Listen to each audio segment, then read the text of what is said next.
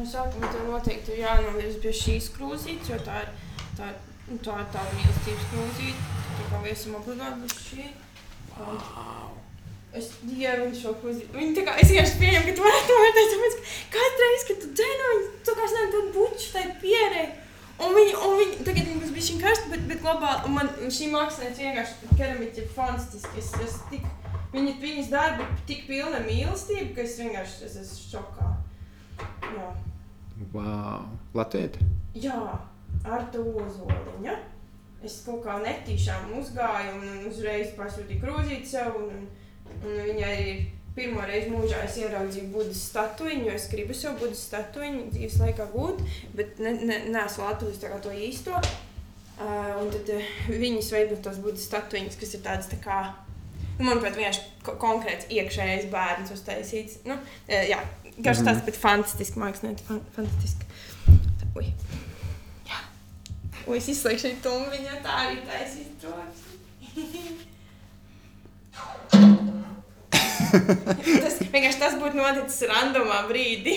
Ah, tā kā viņi būtu atslēgusies. Ja? Jā, jā, jā. Tātad, kā izskatās no malas? Ja? Ilze, bū. Ar visu savu enerģiju, ko, ko tu ieliec mūzikā, kā, kā, kā, kā tevi redz sociālos tīklos un vispār, kad tevi satiek, tā sajūta ir tāda, ka tev mīlestība vienkārši sprāgst ārā uz visām pusēm. Mm -hmm. nu, to ir tā kā nu, cilvēks, kur, ja cilvēks, kurš uh, tevi nezina, mm -hmm. un ko tu kāda ir bijusi tava tā pieredze ar mīlestību, tevi ieraudzīt, viņam vispār nebūtu jautājumu, nu, kā šis cilvēks ir mīlēts un, un, un spēja mīlēt, un vienkārši mīlestība sprāgs uz visām pusēm. jā. Kāpēc tā? Wow, reāli labs jautājums. es nezinu, es pēkšņi pilnīgi apjuku. Jo man globāli ļoti daudz enerģijas, un enerģija gan sprāgs no manis ārā. Es mācos noteikti viņu vadīt, lai mm. nav tā, ka dažreiz viņu var būt gan slikti, gan labi, gan, gan nu, ja to vispār var kaut kā saukt tā, vērtēt, labu vai sliktu enerģiju. Bet nu, es noteikti cenšos citiem cilvēkiem dot tikai to, ko es pati gribētu, lai man dod, vai ne? Tas atcēs labais teiciens. Un tad vai tā ir mīlestība, vai tā ir vienkārši enerģija, bet tāda pozitīva enerģija. Man, man jau, es tā kā drīzāk tiektos teikt, ka tā būtu tā enerģija. Jo, bet, nu, tāpat laikā, varbūt viņas, varbūt es pati neapzinos, un es esmu kaut kāds mīlestības ģenerators. Mm -hmm. bet, bet kāpēc tu saki, ka tev mīlestība ir bijusi maza? Kur tu viņu neesi pieredzējusi? Mm, Godīgi sakot, eh, šobrīd, ja es, piemēram, tā visaktuālākā mīlestība šobrīd, kuru es kultivēju, un mācos un daru, un tiešām apzināti mīlu, ir eh, es pati sevi. Es mācos ļoti, jo, piemēram, tā ir mīlestība, kas man nav bijusi visu dzīvi. Nu, vispār nav bijusi mīlestība pret sevi. Un tad tagad, pēdējos gados es to mācos ļoti, ļoti, un caur šo apgūšanu, eh, šī koncepta, sevis mīlēšanas koncepta, eh, es esmu sapratusi, cik, cik maz kur apkārt īstenībā vai, vai, vai ir bijusi tā mīlestība. Man ir paveicies ar, ar manu ģimeni un visu pārējo, un, bet, piemēram, tāda mīlestība starp diviem platoniskiem draugiem. Tādā veidā, ka es, es piemēram, izjūtu pirmo reizi mūžā šobrīd, ka es varu pateikt, un ka es zinu, ka es jūtu, ka es mīlu kādu savu draugu, platoniskajā mīlestībā. Romantiskā mīlestība es neesmu nekad jutusi. Ja es tagad atskatos, tad tā ir bijusi eh, tāds, nu, tikai nu, tā saucamie tie adrenalīna vai, vai kaut kāda traumu, eh, kon, komforta zonas, eh, tādi realizācijas vai kaut kāda tur kaisla vai ķermeniska kaut kāda saikne, ko es arī nu, līdz galam nesaucu par mīlestību. Un tad ir, tā mīlestība pret mūziku noteikti bijusi kaut kāda garīga lieta, ko to es nemāku vispār nosaukt, nodefinēt, vai to var saukt par mīlestību, vai aicinājumu, vai likteni, vai es nezinu, kas tas ir. Un tu beigu beigās, ja es tā rītīgi paskatos, tad tāpēc es saku, ka viņa ir nu, relatīvi maz bijusi. Jo, jo, jo mm, Es tiešām tagad, pirmo reizi mūžā, šajā kaut kādā posmā, īpaši visu sākot darboties ar būvu, sapratu, ka tagad es sāku kā, pamanīt dažu vietu mīlestību. Un es tad skrienu tur, kur viņi ir. Kā, es redzu, ka ir mīlestība, kaut kur tā enerģija, viņa tāda ļoti tīra ir, un tad gribas tur skriet. Nu tā, uzreiz nereāli. Jā. Bet, protams, tev, ja tev paprasa, vai tev ir daudz mīlestības vai maz mīlestības bijis, kāda ir tava atbilde? Um,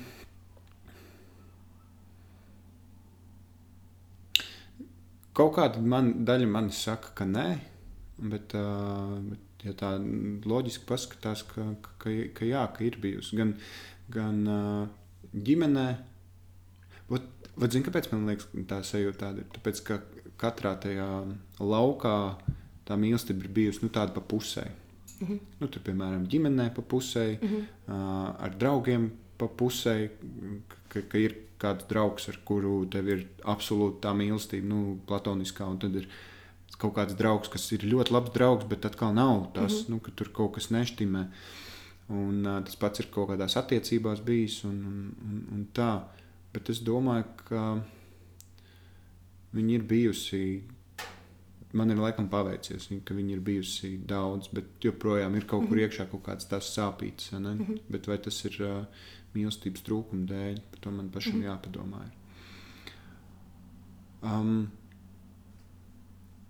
par tām, kā es sapratu, nu, par tām visām tām kaislēm, ko tu stāstīji, un adrenalīniem, tas ir tas, ko sauc par iemīlēšanos. Tas ir bijis daudz. Nu, jā, tas ir uh, tauriņa periods. Jā. Tauriņa periods, un, un, un man jau šķiet, ka um, vispār mūsu kultūrā tik neapspriestais arī cilvēka dzīvnieciskais vai seksuālās enerģijas kaut kādas nu, izpausmes, kas ir tik ārkārtīgi dabīgi, un tas nav nekas slikts, bet tam nav, manuprāt, tik nekāda sakara ar tādu nu, tiešām to pirmotnējo mīlestību. Nu, nevis nav nekāda sakara, tam var būt sakars, un ideālā gadījumā šīs enerģijas, ja apvienojas, tā tiešām tāda pirmotnē romantiskā izredzētā kaut kāda mīlestība vai, vai šī, šī gaišā tāda uh, pret, kopā apvienojas ar to, to dzīvnieku kaislīgo fizisko mīlestību, kas ir nu, seksuāla enerģija. Ja viņi savienojas kopā, tad tur ir fantastisks dzīves pieturs. Bet tik bieži ir viens vai otrs. Tā enerģija, un, un tā kā man liekas, ka mūsu sabiedrībā diezgan bieži, vismaz man augot, man nebija tā informācija pieejama, ka tas ir ok, justies arī tikai fiziski piesaistīts cilvēkam, tad es šīs informācijas trūkuma dēļ domāju, ka tā ir tā mīlestība. Es domāju, ka tās tās īstās attiecības. Es domāju, jo man nebija cita parauga. Bet mm. realitātē tas tā, manuprāt, nav. Un, un, un ir ok, ka mums ir gan fiziskais ķermenis, gan garīgais ķermenis. Un forši viņus sadraudzināt un atrast tos mm, pareizos veidus, kā visforšāk dzīvot. Bet mums tā kā ir jātaustās nu, pa dzīvi. Nu, jā, tas ir tas, ko es domāju ar to, ka. ka, ka jā, tā, tā iemīlēšanās fāze, kad viņa tāda mal, maldīga, vismaz manā pieredzē ir bijusi. Jā, jā, jā. jā. Par to mīlestības definīciju un, un to, ka tu joprojām meklē to definīciju. Um, es uh, pirms vairāk kā gada, uh, par, par diviem, es biju pie Sandras Dejas runāt par mīlestību, un es nesen to sarunu pārklausījos. Viņa vienā vietā stāsta par to, kā, kā viņi redz mīlestību vizuāli. Tas ir tāds milzīgs ozola koka galds, pļavas vidū, apklāts mm. ar baltu galdautu. Un, um, un tas ir tāds tā kā privāti no visiem, mm -hmm. tāpēc pļavas vidū. Um, kas ir kā, tas, kā viņi to redz un kā viņi to jūt. Ja es tev prasu šo jautājumu, kā tu redz mīlestību, savā izpratnē, vai tev burās priekšā kaut kāda -hmm. bilde? Mm -hmm.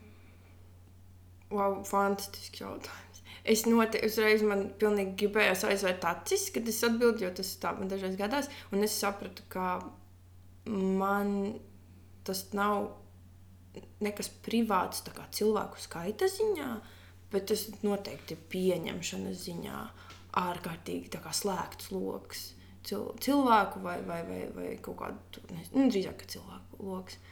Mm, tas, piemēram, mēs ne, pirms mikrofons tika ieslēgts, parunājām mazliet par to skatuves pieredzi ar, ar savu publiku, ar saviem faniem, ar saviem kā, līdzgājējiem.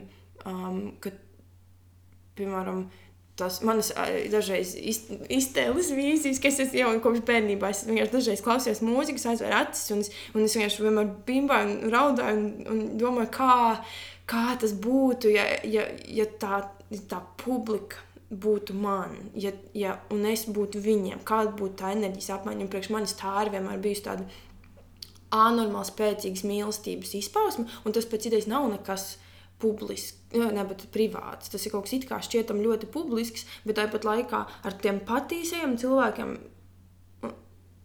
tās tāpat ir ļoti intīms process. Tā kā tāds, tāda lampiņa, kas spīd tikai uz konkrētu kaut kādu trajektoriju. Un tad tā mīlestība ir kā viņi iet tikai šādi, un tad nāk atpakaļ tādā vienā sakoncentrētā enerģijas bumbā un iesita mūziķim pa seju. tā, nu tad viss kā, jā, labs, labs jautājums. Tas ir tas, kā es redzu, laikam, mīlestību. Tā, vis, vis, ja man jāpasaka tā uzreiz, kāda ainiņa nāk prātā. Baigi publiski mīlestība. Domā, mīlestība var būt par daudz. Uh. Nu, es nezinu, es nezinu, kas tā mīlestība ir. es nezinu. Bet, bet, uh, nu... No, nu, no koncepta, ka es vispār mēģinu un pieņemu to, ka viss par daudz ir par daudz. Nu, kā, mm. Es mācos to konceptu par to balansu, un pagaidām visādos, gan fiziskos, gan garīgos konceptos, tomēr tas balans ir vajadzīgs arī tām pozitīvām lietām, kā it kā šķietama mīlestība. Un tad, um, tad laikam jau es teiktu, ka var būt par daudz, ja, ja mēs ejam pēc tā koncepta, ka visam vajadzētu būt balansā. Mm -hmm. nu, tā. Bet, Klau, vai kā tev liekas? Tad, kad tu teici, ka tu to mīlestību esi maz redzējusi, vai tas varētu būt saistīts ar to, ka tu nezini, uz ko skatīties? Nu, tev mm. nav īsti nekādas definīcijas tam, kas tas varētu būt. Uh, varbūt kaut kāda mazāka sīkuma, kurš tur redz, nu, jā, tā, tā ir tāda ir mīlestība, bet varbūt tu nezini, uz ko skatīties. Mm -hmm. nu, piemēram, tad, kad tu redz divus cilvēkus kopā, vai tu redz mīlestību, vai tu vienkārši redz divus cilvēkus kopā. Un kas ir tas, kas tev pasaka, ka tur ir mīlestība? Wow! Jo, piemēram, ja man būtu reāli jāapstāsta uz diviem blakus stāvošiem cilvēkiem, es nezinu, kāds varētu būt indikators, ka tur ir mīlestība vai nav. Nu, droši vien atkal tas, tas pat nav nekas saskatāms. Tas, manuprāt, ir jūtams tikai. Nu, sajūtams tās lietas, tad, vai ar intuīciju, vai kādām citām nezinu, spējām, bet ar, ar redzi točnes mīlestību nevar nolasīt. Es to varētu tikai ar, ar, ar, sajūtām. Mūzikā? Mūzikā arī tās ir sajūtas, ka vienkārši ja iesit, mm -hmm. iesit kaut kas, iesit iekšā, tad tur ir. Bet to jau arī nevar nekādīgi nu, noformulēt, nu, nodefinēt, attaustīt. Es agrāk man bija tāds, es atceros, ka man bija tāds termins, kad es biju, biju 13 gadi, un es uh, klausījos Zeplinu, mācījos tur dziedāt, tā kā Roberta Plāns, un tas bija mans tas periods. Un es Es atceros, ka bija dziesmas, kur, uh, piemēram, Since I've been loving you, ir tāds ģitāras soliņš Džimijam Pēģam, un viņš spēlē, un tur tu, tu, tu, un tā ceturtā nots, un man ir tāds, ah, oh, šī, ak, Dievs, ak, Dievs, un es vienkārši nevaru, un man, man sāp, man fiziski kaut kas sāp, un es sēžu tur pie tās tēta plats, un es nevaru, man tagad jau pilnīgi tā krampis rauj, un es tos tajā laikā sāku saukties uzzināt terminu, nu, kā zināt terminu e, orgasms, un tad es to saucu par dvēseles orgasmiem, mm -hmm. kad es klausoties mūziku, un es joprojām dažreiz pieduros un tā saku, ka ir kaut kāda brīža dziesmās vai kaut kādas enerģijas tāda sakopojuma, vai tas, vai tas punchlines, kurš vienkārši tā kā iesit vai tas ir dzējā, vai tas ir mūzikā, vai kaut kur citur. Tad, bet tas jau arī tu nevari tā ar atstiņām. Tas ir vienkārši vai tu jūti vai nejūti. Un tad gan kā uztvērējs, vai jūti, gan arī kā tas nu, mākslas darbs vai kaut kas, kas ir radījis to. Piemēram, varbūt tā enerģija tajā dziesmā ir tāda pati, bet citam viņa neiekiko tā rindiņa. Bet, bet man iesit, piemēram. Nu, un tad, Jā, ir pilnīgi aizmirsts jautājums, bet es aiz, aizsvilos. Ja man jārunā par zeplīnu, tad man uzreiz kaut ko aizsvilos. Cik tēma jau aiziet? Un zini, kā bija tajā dziesmā? Mīlīgi. Tad, kad tu rādi mūziku, vai tu jūti, ka tu tur ieliec mīlestību iekšā, vai tas ir kaut kas, ja? Jā, to gan. Nu, atkal mīlestība vai enerģija vai kaut ko, bet tur, tur gan jūt uzreiz. Nu, ka, ka ir tāds skaidrs, šī ir skaidrs, ka būs vai jau ka ir ielikts. Un es 99% raudu, kad es rakstu. Mm -hmm. Visu laiku raudu, jo viņas tā kā plūst ārā. Tas, ko tu minēji, ka dažreiz varbūt liekas, vai es šķiet, ka es tā kā, nu, man tas praktiskā mīlestība, nu, dziesmas rakstot to gan tā ir. Tāpēc man tik ļoti svarīgi, nu, tas man pagaidām labākās dziesmas vienai pašai tapušas noteikti. Um, ja viņas tik nu, tā kā nu, grūti jau tā histēriski bimbāt ir ar vēl kādu, ko tu tik labi nepazīsti. Un, Un plus vēl nu, es nezinu, ja vajag, piemēram, uzrakstīt to punchline vai to, to emocionālo to sitienu, mm. dabūt no sevis ārā kopā ar vēl kādu cilvēku, burtiski tā kā simbiozē, nu, tad jābūt līdzīgai sāpei. Ir jābūt vienam enerģijas punktam, no kura tā abi divi kopā taisa. Un, ja tad sajiet un saslēdzās, nu, tad droši vien ir vēl stiprāks tas sitiens, ja divas tādas sāpes sajiet kopā. Tā kā es, es lieku iekšā, tur es jūtu, kurā brīdī man liekas, ka ieiet. Bet atkal, tik netverams koncepts. Un to es nevaru izstāstīt, kā tas ir, kāpēc tā ir, vai, mm. vai ko es izdaru. Tas vienkārši tā kā notiek. Un tad dažreiz man bail, cik es aizietu kā ezotērikā, vai kad cilvēku, nu, man, es joprojām mācos ne, nedomāt par daudz, ko par mani padomās, bet es tāpat mācos tikai to. Un tad tas tā baila, ka, nu, kad tik nepadomā, ka es esmu kaut kāda baigā ezotēriskā tur ragana, tikai visu laiku runāju par kaut kādām enerģijām, neko konkrēti nevaru pateikt. Nu, bet tā ir ar to mūzikas radīšanu ar to, kā es smeļos, kā, kad es izēju pasaulē, paņemt to enerģiju, kuru es izlaidīšu cauri, tikpat netvaram es viņai paņemt. Un es nevaru izstāstīt, kā tas notiek. Nu, tur arī es lasīju agrāk grāmatas, biogrāfijas mūziķu, un tas pats uh, Bobs Dilans, ja nemaldos, arī saka, ka viņš nu, brauc uz mašīnā un vienkārši viņam, iek, viņam iedod dziesmu, viņš tikai pieraksta. Un, un es domāju, nu, pš, Jo jūs visi trīs mājas tālāk, šī ezotēriskie koncepti, es gribu zināt, ko es varu uzrakstīt labu dziesmu. Un es nesapratu to, eh, ko viņš ar to bet tagad citīgi tā kā sāku saprast, ka dažbrīd ir tāds, ej, bet, ej, paldies, kaut, nu, kā, kā man iekrīt, kaut kam, kaut kam kas mm. tā kā nu, uzdāvina man šito te, un es vienkārši paņemu un caur savu filtru un ar savu darbu un caur šo kaut enerģijas tādu, pār, nu, transmutāciju, tā kā uztais dziesmu, saņemos viņu arī izlaižu, piemēram, un tā. Jā, interesanti. Man arī pietiek, ka es tā aizdomājos, bet man tik mīlīgi ir arī iedomāties, jo tas man nāks tas albums ārā tūlīt. Un tur ir vairāk, jo tās dziesmas, divas, kas ir izdotas šobrīd, viņas nav tik um, emocionāli piepildītas, cik ir dažas dziesmas tajā albumā. Nu, cik emocionāli viņas man sit un, un cik es situ viņas rakstot. Un tad um, tādā konceptā man ir. Nu, for, forša apziņa, ka es tiešām arī beidzot saņemos un dalos ar viņiem tādiem dziļākiem nostūriem savas emocionalitātes šajā albumā. Tā kā, tā kā tur ir ielikts iekšā daudz. Uh, tu, tu daudz stāsti par to, par, par enerģiju un kādu tu ieliec uh, mūzikā, un ka tu nevari saprast, vai tā ir mīlestība vai tā ir enerģija. Mm -hmm. Man šobrīd mana definīcija tam, kas ir mīlestība, mm -hmm. un esmu izkūlies ļoti daudz cauri savām domām mm -hmm. un sajūtām par to, kas tas varētu būt. Man tās definīcijas ir mainījušās ik pa laikam. Un pagaidām mēs esam nokļuvuši pie kaut kā ļoti absolūti vienkārša, kas mhm. varbūt, mm -hmm. uh, kas varbūt nezinu, kādam varētu likties, ka es kaut kā nievājoši esmu nonivelējis to. Mm -hmm mīlestību, milzīgo šo enerģiju līdz kaut kādam tik vienkāršam izskaidrojumam, ka, ka manuprāt, tā ir, um, tā ir tāda pati enerģija kā, kā saules enerģija vai kā vēja enerģija. Uh, vienkārši viņi ir uh, citādi. Mhm. Zini, viņi, viņa plūst, viņai ir nenormāli liela jauda. Un uh, tikpat ļoti, cik uh, vēja vai saules enerģija var nodarīt mums pāri, tikpat ļoti arī mīlestības mm -hmm. enerģija var mums nodarīt pāri. Tāpat laikā mēs ļoti daudz varam iegūt. Jā. Gan no vēja, gan no saules, gan no mīlestības enerģijas. Mm -hmm. Mēs spējam viņu dot un, un radīt visu kaut ko un ļaut lietām notikt. Kaut vai vienkāršām lietām. Mm, Ziedonis rakstīja, ka uh, bez mīlestības negriež nazas asas. Mm -hmm. un, un cik ļoti vienkārši ir tas uh, uzstādījums, nu, ka Tu vari paņemt nāzi, vari paņemt maizes kukulīti un klapēt to maizes kukulīti ar asu nāzi un likt iekšā naida enerģiju. Un nekas tur nenotiek. Vai tu vari maigi sākt griezt ar to nāzi un nogriezt skaistu triecienu. Un, uh, tad, kad es turu šo brīnišķīgu, skaisto krūzi, cik daudz mīlestības tajā visā ielieku, lai es to krūzi neiznīcinātu. Mm -hmm. Nenodarītu viņai pāri lai gan es varētu to izdarīt. Un tas ir kā tu šo enerģiju virzi uz lietām, um, kas mums ir visapkārt, uz cilvēkiem, kas ir mums visapkārt, un uz darbiem, ko mēs darām. Kādu mīlestību tu ieliec tajā, mm -hmm. savā dziesmā un kādām rūpēm tu pieeji, lai, lai, lai viņu nostrādātu, lai viss būtu forši un kārtībā.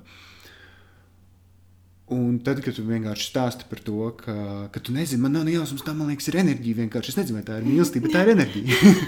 un tas, priekš manis jau ir sajūta, ka tas, -hmm. ko tu liec iekšā, nu, tā ir mīlestība. Jā, tas okay. ir kā, Jā. bet es nesaku, ka tā ir. Bet pēc tam skaidrojuma es ļoti saprotu un piekrītu. Jo, jo, jo, jo mīlestībai, nu, tic man, ir pilnīgi pofīgi, kā viņu sauc un, un ko mēs viņai piedēvējam Mhm. mm -hmm. un tam līdzīgi. Mm -hmm. Mīlestība vienkārši ir. Mm -hmm. Tāpat kā Dievs, nu, Dievam nerūp, vai mēs viņu saucam par visu, mm -hmm. vai mēs viņu saucam par ceļu, likteni, budu vai, vai smilgām vienalga. Kāpēc, lai viņam rūpētu? Jā. Jo Dievs, es kaut kad pirms pāris gadiem ierakstīju Twitterī kaut ko, kaut ko, ka kaut kas pasaulē notiek tā un tā, bet kļūdas ir ok, jo Dievs arī ir tikai cilvēks.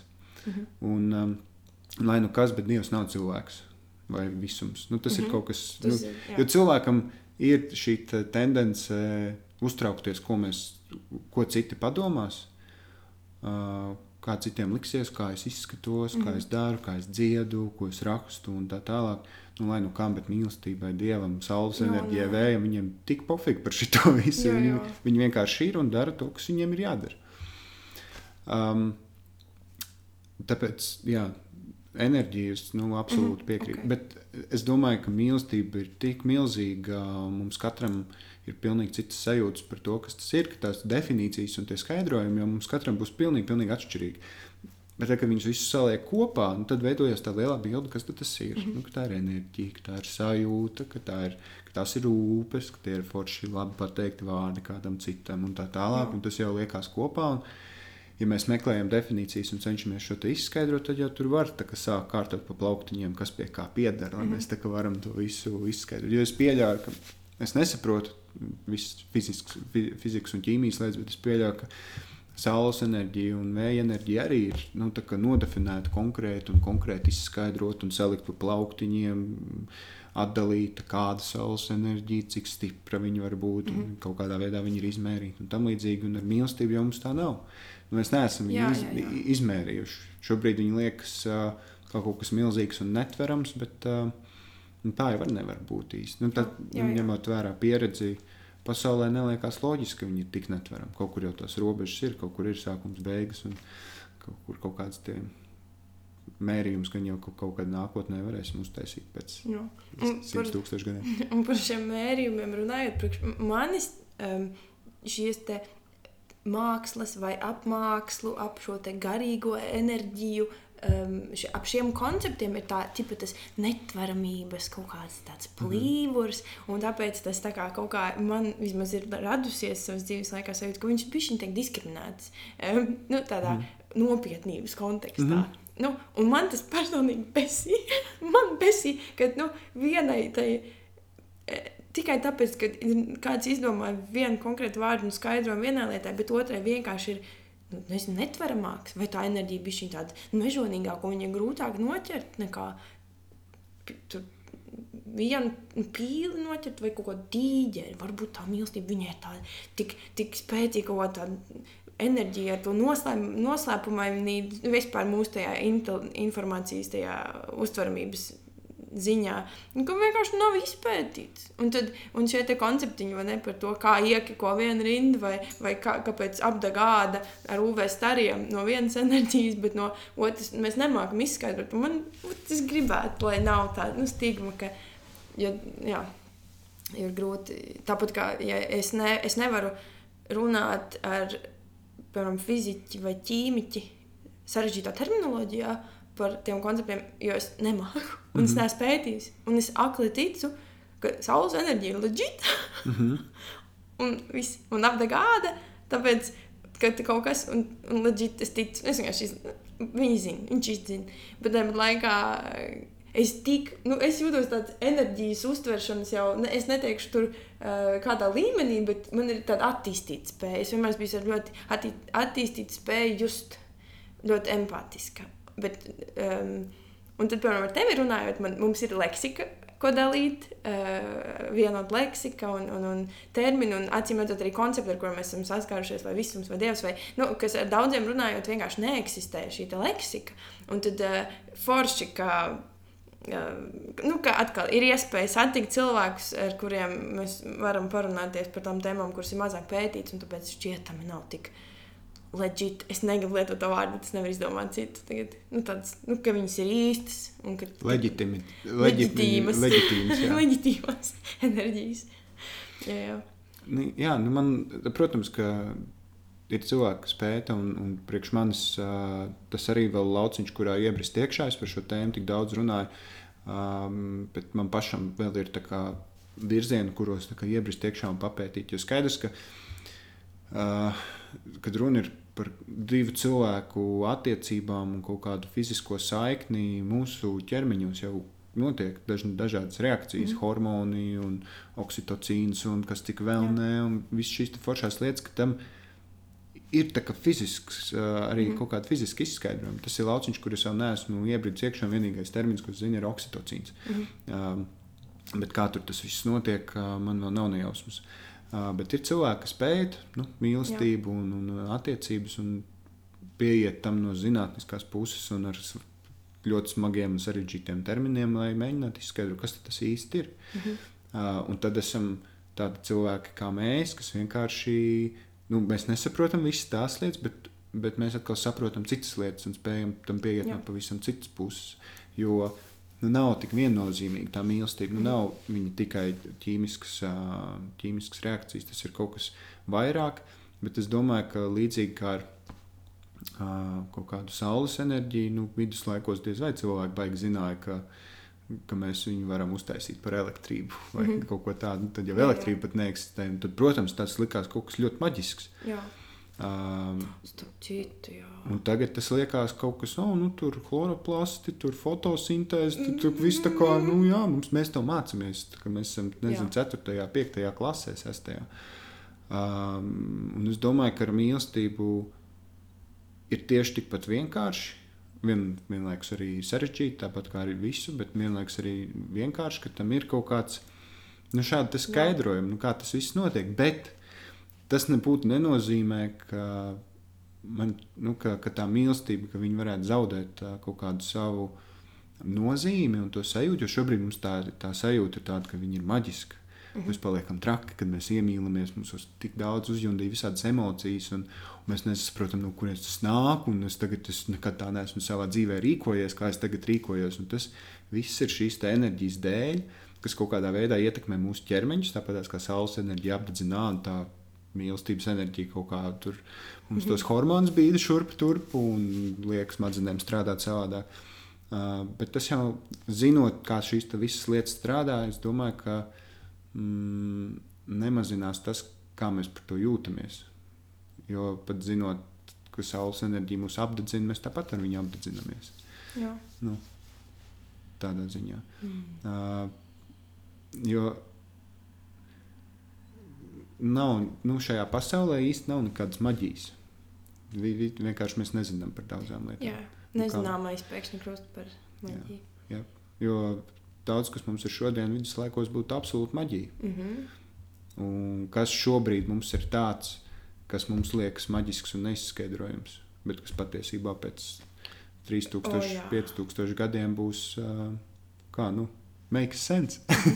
par šo es nesen arī rītīgi aizdomājos tieši me meditācijas kontekstā. Par to, ka pirms, negribu minēt tieši cik gadu desmitiem, bet pirms mums tajā rietumu kultūrā meditācija arī bija kaut kāda maģija nu, tā kā, kas, tā par, kas tas ir vispār? Kas mm. tas ir? Ko tu tur sēdi? Ko tu tur domā par to, kamēr tu tur sēdi lotus pozā? Bet šobrīd ap to vispār nu, tā stigma lūst un brūk, jo tam jau ir tik daudz zinātnisku izskaidrojumu un pētījumu. Un jau, jau, jau, jo fiziskajā plaknē to varēja parādīt uz papīra un pētījumos, tad pēkšņi tā vairs nav maģija un vudušu mudu, lai gan daudziem vēl joprojām ir. Bet mm -hmm. realitātē tā ir vienkārši sevis veselības uzturēšanas praksa. Man visais tā to uztver. Un tad līdzīgi kā tu saki, ka tas, kas agrāk bija kaut kāda mistērija, tas eh, tagad eh, vai, vai nākotnē kļūs par kaut kādu pieņemamu, paš, pašsaprotamu lietu. Mm -hmm. Es iedomājos vienā brīdī, kad tu runāji arī par Tad tā kā salīdzinājumi par to, ka agrāk tā saules enerģija bija kaut kāda, nu, ne, pat kaut kāda daudzdievība posmā vispār. Tas bija tiešām tā dievība. Tā mm. saule ir kaut kas pielūdzams, jo viņi mums tik daudz dod. Un pēc tam laiks iet, iet un tad atnāk kaut zinātnieks, un viņš izdomā, un viņš uzstājas saules bateriju. Es arī tik Mhm. runāšu, ka idiots, es nemāku neko par kā zinātni vispār. Un, un tad sanāk, viņš paņem to saules, to enerģiju, to mistiku, to maģiju, uztais par kaut ko taustām. Un es iedomājos par to, kā mūziķis vai kā mākslinieks arī nu, ir tas zinātnieks, ne? Ka viņš paņem to, to, to netaustāmo, nesaprotamu enerģiju, kaut kur viņš viņu izrok, vai attiecībās, vai dabā, vai uh, kaut kur. Paņem, transmutē viņu tāpat kā par saules bateriju, tikai par piemēram dziesmu, vai par dzējoli, vai par glāznu. Mm -hmm. Un tad tas jau arī ir tik, nu, bet kā tu raksti tās dziesmas? Es nezinu. Es nezinu, kā tas notiek. Es esmu, jā, es esmu kopus tehniku, lai vārdu rīmētos, lai es iemācījos dziedāt, un tā tā. Bet kā viņas atnāk, es nesaku. À, tā ir vis, vislielākais atskatoties uz saviem darbiem. Man nav nejausmas, no kurienes tas viss ir iznācis ārā. Mm. -hmm. Tu skaties un, un nespēji saprast, ka tas tiešām ir iznācis no, mm. -hmm. no manas ārā. Un kā tie vārdi, ka, kāpēc es tieši tādus vārdus izvēlējos, Jā. ne citādus. Un, un kāpēc tieši tādu emociju, ne citādu. Un kāpēc tieši šādu dziesmu, Jā, ne citādu. O Bet, jā, viņi, o bet, jā. vi- bet viņi atnāca. Un tas ir. Tas ir neizskaidrojams. Skaidrs, ka tu ja praktiski jā, tu kopi balsi un, un, un, un kopi savu instrumentu, un, un kā tu rīmē un kā tu raksti. Jā, bet tas nav, tas nav mm. -hmm. vienīgais. Tur ir tas, no kurienes tas viss vispār nāk. Un skaidrs, ka šobrīd mums ir tāds, mums nav nejausmas. Bet Jā. gan jau, ka tam arī ir kaut kāds uh, zinātnisks raksturs skaidrojums. jā. Pavisam noteikti. Nu, ja mēs varējām izskaidrot uh, vēja enerģiju, zemestrīces un ko tik vēl nē, nu, tad kāpēc ne nevarētu šo? jā. Es atceros, es lasīju kaut kur par, um, par seno Grieķiju un mit, mītiem, mitoloģijām. Uh, tur bija skaidrojums, ka, kāpēc cilvēkiem likās, uh, ka minotaurs eksistē. Ka viņi dzirdēja kaut kādā alā milzīgu troksni, kā milzīgus rēcienus, un tad mums jau kā jau cilvēkam ir jāmēģina izskaidrot, kas tas īsti ir. Un tajā laikā viņi to izskaidroja tā, ka tas ir minotaurs tur Jā. iekšā, un tad apjās tas leģenda un tam līdzīgi. Varbūt viņš eksistē, es ļoti ceru, ka viņš eksistē. Jā. Bet tas skaidrojums ir tāds, ka t, t, uz tās salas, kur minotaurs dzīvoja, ka, un, un tā ala, kur, kur viņš it kā dzīvoja, ka, ka zem tās salas mm, zemes plātnes berzējās kopā. Mm. -hmm. Un tad, kad viņas berzējās kopā, tad nāca ārā milzīgs troksnis. Oh, wow. Kā es gribētu to troksni dzirdēt, lau. Man liekas, es, es, es neesmu pārliecināts simtprocentīgi, bet es domāju, ka to var kaut kur tāpat mm -hmm. dzirdēt. Mums jau tās plātnes joprojām ir. Jā, nekur nepazūd. Nekur nepazūd. Nu, ka cilvēkam visu laiku vajag kaut ko izskaidrot. Jā, jā, jā. Un, un, un, un, un tā bija tāda neizskaidrojama lieta. Un tāpat tās kā šis te, no kurienes tas viss nāk, nu, gan jau, ka tas ir skaidrojams. Jā, Varbūt ne tik ā, vienkārši acīm redzot, kā ar plātnēm. Mm. -hmm. Vienkārši mums vēl nav to zināšanu tādu. mm. bet dažreiz ir tie skaidrojumi tādi vienkāršāki un acu priekšā vairāk nekā liekas. Nu, dažreiz kaut kādiem konceptiem. Nu, tā jau saka, ka viss jau mūsu deguna priekšā. Mm. Vienkārši spēt to, spēt to ieraudzīt. Es gribēju papildināt par to, ka tad, kad tu teici par, um, par to, ka nezinu, nevar saprast, no kurienes tās dziesmas nāk, vai kad rada, no kurienes tas rodas. Es arī es piefiksēju vienu konceptu ar savu kā mūziku, jo es, protams, varu runāt tikai par savu subjektīvo pieredzi ar to rakstīšanu. Un, un es tā kā agrāk tam arī tik piedūros, ka tad, kad uzrakstu dziesmu, viņi ir tā kā pareģojums. Um, es tā kā jokoju par to, jo man bija tāda tieši par šīm te, to, ko mēs runājām, par tādām fiziskām, eh, seksuāla rakstura attiecībām, vai kas vairāk ir tajā fiziskajā ķermenī tendētas, ka viņas sajūta kopā ar, ar to apziņu par to, kas būtu tā mm, kaut kāda pirmotnējā mīlestība. Un tad, nu, iepšu toksisku attiecību popdziesmu pēc mm -hmm. idejas. Un es uzrakstu to dziesmu, sākot tikties ar vienu puisi, kad likās, ka viss ir super, super, bet man no nekurienes nu, tiešām bija super sajūta. Nu, tā kā nu, ir rekords iemīlēšanās periods. Un es uzrakstu dziesmu, kas ir konkrēti tāda, tāds viegli agresīvs, tāds melodiskais reps āram bija par to, ka ir manipulācija un toksiskas attiecības. Forša dziesma, viss kārtībā. Pagaid, tu par siekalu? Nē, nē, citu dziesmu tā ne, vēl neizlaista. Albumā, jā. Viņa albuma arī nebūs, bet viņa būs viņš Mhm. vēlāk. Bet nu, viņas tā kā stāv, jo viņai tur tāds kaut kāds Kaut kā viņa vēl nav nonākusi līdz klausītājiem. Bet, eh, bet vispār ne no kurienes. Man nebija nekāda, man bija foršas attiecības sākums, man bija viss gājis labi. Nebija, no, ne, nav no kurienes. Man arī tāda pieredze nebija nekad bijusi. Ka man būtu šādi, tā kā tajā dziesmā, tur gāja tas stāsts par to manipulāciju vai ko. Nekad nebija. Bij, viss bija pilnīgi no nekurienes. Paiet 3, 4 mēneši un pirmā zīme. Vai cik tur daži mēneši. Un, un pēc kaut kāda pusgada atskatoties, es noklausījos to demku un saprotu, fuck. Tas ir par tām attiecībām. Tieši tas notika. Tieši tas notika. Un es, ko?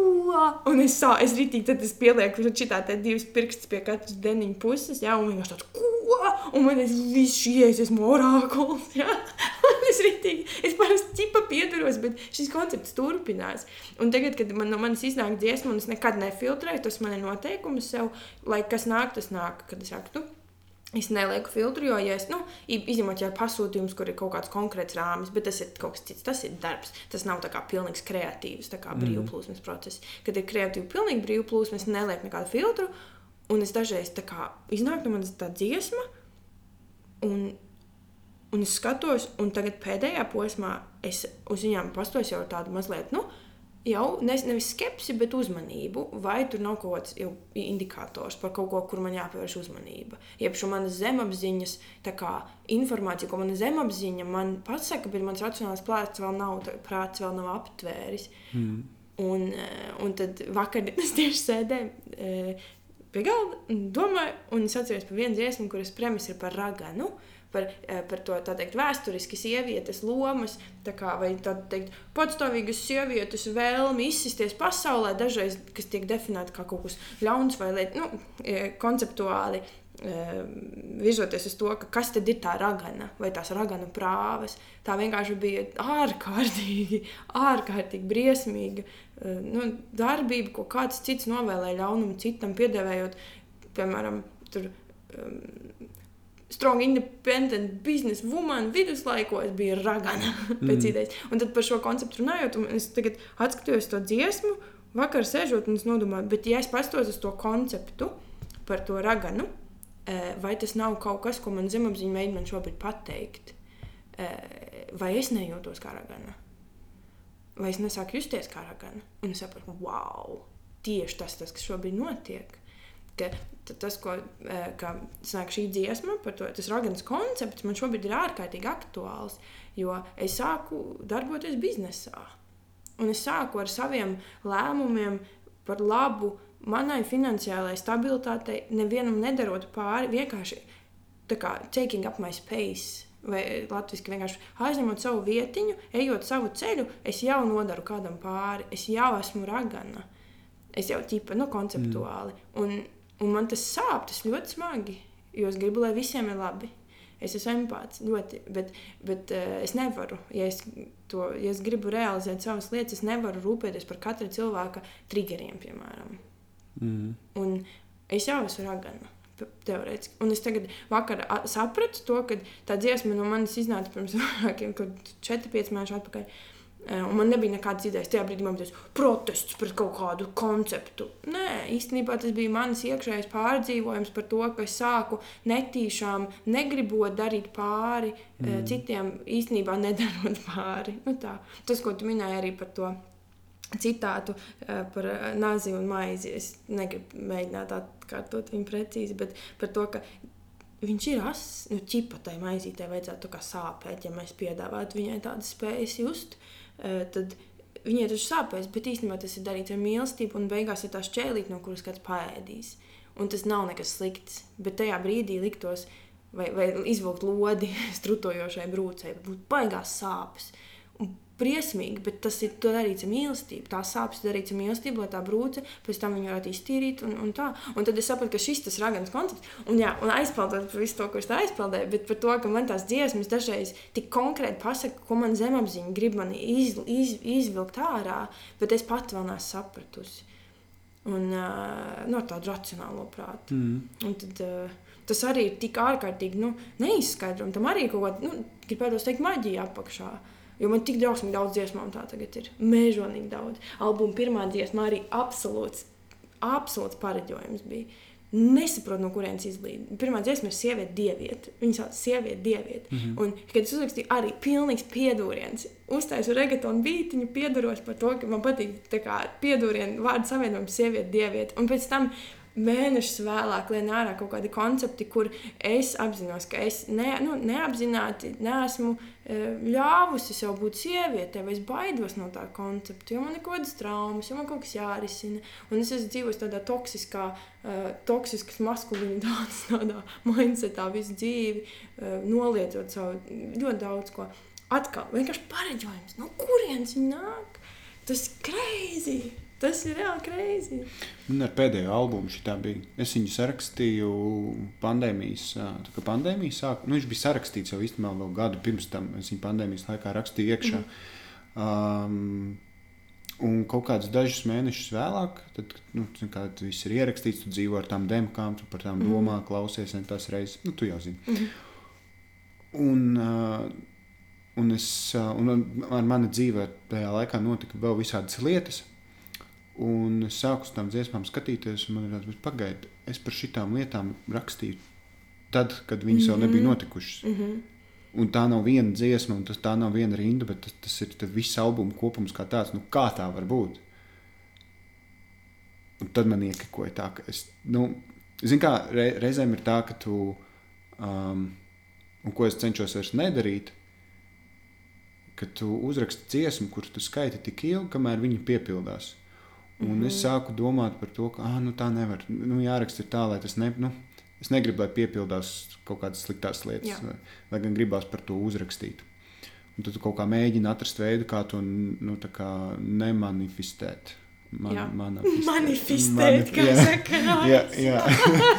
vienkārši nu, nu, netikt līdz, tādam, līdz tādai lietai. Bet šis bija savādāk. Šis bija tā, ka uh, es nevarēju izdomāt tas, tas viss, kas notika par ko es runāju albumā, nu, to es nevarēju nekādā Jā. veidā. Nu, kā, Jā, impossible. Un, kad tas notiek, ir tāds, ok, nu tā. Šis bais. Jā, tas ir tikai bais. Un tu sāc skatīt, ok, ko es vispār rakstu. Jā. Un kāda mums īstenībā ir kaut kāda, tā, ja šādi pastāst, kāda mums ir kontrola un, enerģija, un izmama vara un spējas, tas ir tās ir kaut kāds superspējas, tā ir kaut kāda maģija. Pirms man tā gribas ticēt. Jā, ir, protams, tāpēc, ka mums ir tik daudz visādas popkultūrā un Holivudā tik daudz filmu par burviem un maģiju, jā, un Harijs Poters un vispārējais, ka mums gribās, nu, tā, nu, tas ir tik forši un maģiski, un gribās pieredzēt lietas, kuras ir. Ka tu jūti, ka tu nevari izskaidrot šo, bet mm -hmm. tu arī jūti, ka tam ir nenormāli milzīgs spēks. Jā, mm, man gribas pajautāt tev par to manifestāciju. um, kad tu raksti, par, jo man šis ir ārkārtīgi aktuāls koncepts par to, ka dziesmas ir tā manifestācija. Nu, tā kā, ja tu visu laiku skaiti viņas, mm. es, nu, tā ir mantra. Tā ir reāla mantra. Es tā, mm. ak, Dievs, kā es, es nevaru. Man tagad gribas izsakt referenci savu albu. Es vienkārši tik tas šobrīd vienkārši tik aktuāls notikums, ka man gribas tā kā atsaukties tāpēc. Bet uh, tas, ka arī man dziesma, pēdējā dziesma albumā, ko es saucu komplimentu pirots, ir vienkārši viena liela pašmīlestības mantra. -hmm. Un es, es klausījos vienu rītu, um, man bija grūts rīts, un es domāju, ko man izdarīt, kā man pacelt vibrāciju. Es uzslēdzu kaņē, vest, ja, un es atvainojos kādu kaņē. Um, um, Ultralight beam dziesmu. Kaņē. Kaņē, ja? Mm. Ah, es, sorry, sap, es, es jaucos. Un es, es viņa man tā iesita, ka es viņu noklausījos kādas 700 reizes, vienkārši uzliku uz lūpa, vienkārši dzīvoju to rītu, kādas 5 stundas, un man, man bija nereāla vajadzība tajā brīdī uztaisīt jaunu oranžītē dziesmai. Es gribēju, lai komplimentu pieredzi ir albumā, man dzēra oranžī. Es no, noslēdzu mūziku nost, es eju, sēžos pie datora, Ableton strādāju, un pēc tam divām diennaktīm, cik tur ilgi strādāju, e, iznāca ārā tas, kas ir albumā.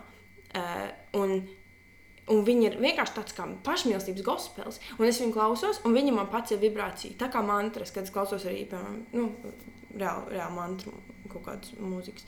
Uh, vispār ļoti nemāku pateikt, ko, bet vienkārši to, kas man paceļ un ko es varu tā teikt, reģistrēt līdzi. Un uh, tīra mantra. Nejūtos es visu laiku defaultā tā, kā es dziedu, ka es tiešām mīlu sevi, kā es tur saku. Um, tas ir ļoti rets punkts. Uh, laikā vai manā ikdienā. Bet es uz to tiecos. Un jo vairāk es patērēju, vai kad es dziedu šo dziesmu, ka, un es katru reizi, kā ir tas pēdējais pants, man ir tāds, ah, Dievs, nu tā taču ir. Nu, ko tu tur cepies par to visu, to sīkumu? Nu, taču super. Un, un, un tas man palīdz, bet tāpat laikā citas dziesmas, viņas pavalk uz leju, un tas ir bailīgi. Nu, un, ja, piemēram, es iedomājos par to konceptu, ka, ja māksliniekam nu, aiziet tās, tur, piemēram, izdod pirmās trīs dziesmas, kuras ir bijušas kaut kādas super agresīvas, super tur, dusmīgas un bēdīgas, un, un viens liels grūzis un čīkstēšana par dzīvi un naids.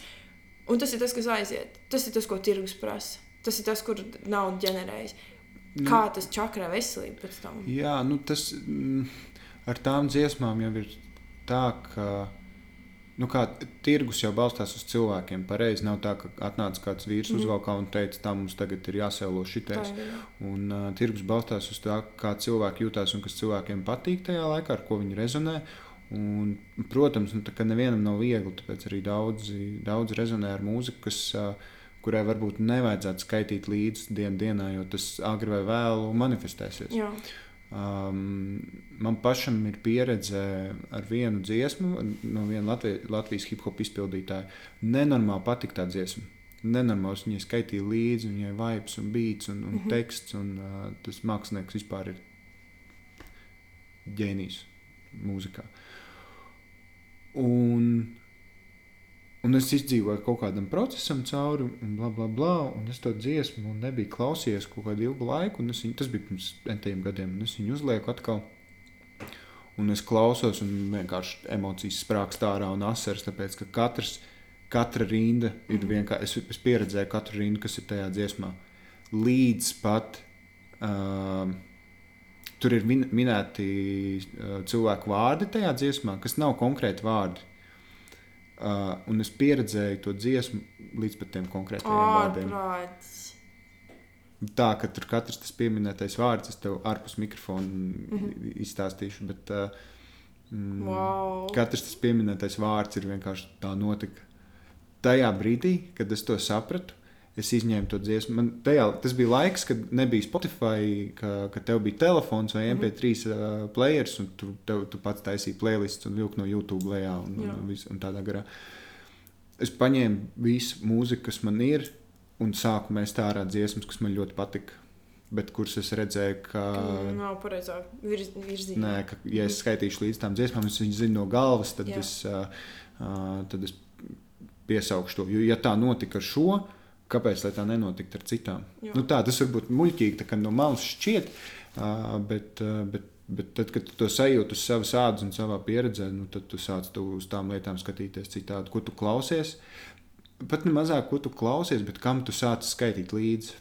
Jo man, piemēram, tā, ka es klausos lielu daļu mūzikas, kurai nevajadzētu skaitīt līdzi, Bet tā kā viņi ir angliski, es vairāk klausos tajā visā sajūtā un, un, un, un pavadījumā, mazāk vārdos. Un, un, un kaut kā, kaut kā tas nenostrādā. Mm -hmm. Bet tad, kad tu tam sāc skaitīt līdzi un zini no galvas, Jā. noskaitīt un nodziedāt līdzi, un tas ir kaut kas manifestējams uz savu dzīvi, tad nu, oh, wow. negribās tā. Jā. Un tad tu sāc šķirot. Mm -hmm.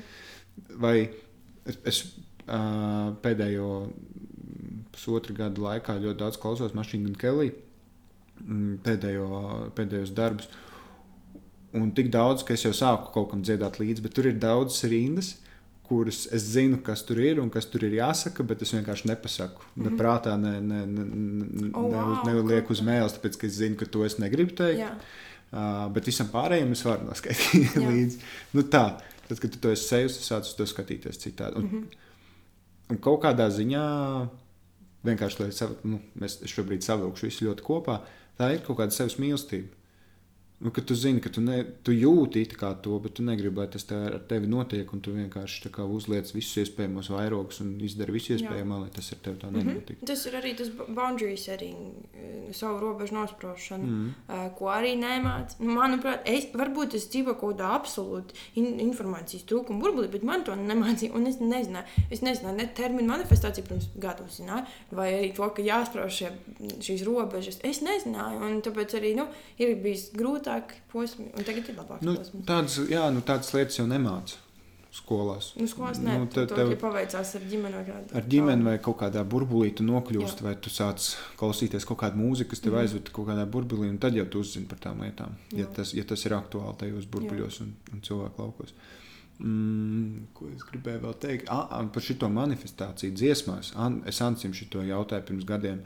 Um, jo Ansis savā dziesmās, mm, es tagad neesmu ievērojis, kā ir tagad, bet kādreiz minēja nu, tādas lietas, kuras tu negribi manifestēt. Mhm. Uh, mm, precīzi nenocitēšu, nu, sitē neatceros, kurā dziesmā, bet viņš teica, ka nu, tur kāds viņam tur piedraud ar nāzi uz ielas, un, uh, bet somā atrod tikai rīņu kladi un, un kaut kas Mhm. tam līdzīgs. Un es Ancim prasīju, nu, kā, es zinu, ka tas ir tev nav noticis, um, jo tad jau tu gan jau par to būtu pastāstījis, bet, uh, bet kāpēc tu raksti par tādām lietām, kuras tu tā negribētu, lai notiek ar tevi? Nu, jo mazums tu manifestē, viņas netīšām varbūt sanāk, ne? Un, un viņš teica, ka viņam kaut kā tieši otrādi, ka liet, nu, viņš dziesmās iekļauj tādas lietas, kuras viņš negrib, lai ar viņu notiek, Mhm. un notiek tieši pretējais. Mhm. Super, tas tā kā izvēlēties, va vadīt enerģiju. Mēs jau izvēlamies, kā. Ja to dara apzināti un trenē, krūti, es nezināju šo. Jā, nu, kā tas, bija pirms gadiem. Es nezinu, kā mm. Mhm. viņš tagad uz to skatās. Bet tad man bija tāds. Tas man liekas, bija pat tas pats laiks, kad es sajūtu to, cik ļoti dziesmas ietekmē. Un es redzu, ka Ants savā dziesmā stāsta, kas ar viņu notiek. Un, ne, un it kā notiek. Un es viņam šo pajautāju. Viņš teica, nē, nē, nē. Tas Jā. tieši grib, lai tā ar mani nenotiek. Un tas nenotiek. Notiek tieši pretējās lietas. Nāk uz ielas klāt un tur kaut ko. Vo, un es, es tikko aptveru vienu konceptu par to, ka man jau arī ir ne, brīva griba, kuru dziesmu es izpildu, kuru nē, un ir dziesmas, kuras, piemēram, arī albumā viena dziesma, kas ir uh, drūmi joki. Ar nosaukumu indikators, ka tas ir kaut, kāds, kaut kādā ziņā drūmas enerģijas, um, kuru es negribu izpildīt. Es negribu viņu izpildīt, jo man katreiz, nevis es negribu, bet katreiz, kā ņemu, man sāp. Man šausmīgi sāp. Un es teju katru reizi bimbāju, bet tāpat laikā es varētu viņu nedarīt, jo es negribu sev kā, likt cauri tām sāpēm. Bet es zinu, ka kādam viņa palīdzēs. Un tam man asins gribas jau, jau līdz liels braucās ārā. Jo es zinu, ka tā dziesma kādam palīdzēs, kurš ir kā, gājis cauri tām sāpēm, kurām es esmu gājis. Un es jau lielā mērā esmu tikus cauri, bet kāds šobrīd mokās. Mm. Un kāds vēl mocīsies. Un varbūt tā ir tā dziesma, kas palīdzēs. Jo tā ir mūzika, man ir bijusi liels vadītājs spēks. cauri. Un šis ir tas brīdis, kur ieslēdzas viens no aspektiem, kurus es agrāk neapzinājos, eh, par to, kur ir tā nasta. ka tā arī ir daļa no nastas, kas jānes eh, kā māksliniekam. Ka Mm. tikai priecīgs um, popdziesmas izpildīt uh, enerģētiski. Varbūt dažreiz kaitinoši pašam, bet ir vieglāk. Nu, tīri emocionāli man, Mm. vis- man kā personībai būtu. Uh, atnākt tikai uz priecīgajiem eventiem cilvēku dzīvēm, un, un, un tikai priecīgajos brīžos būt blakus. Un, un, bet, uh, un arī to pleciņu dot. Nu, tā teikt, tikai balīdzes, kad ir balīdzes un tusiņi, nevis tad, kad ir smagi un gribas raudāt.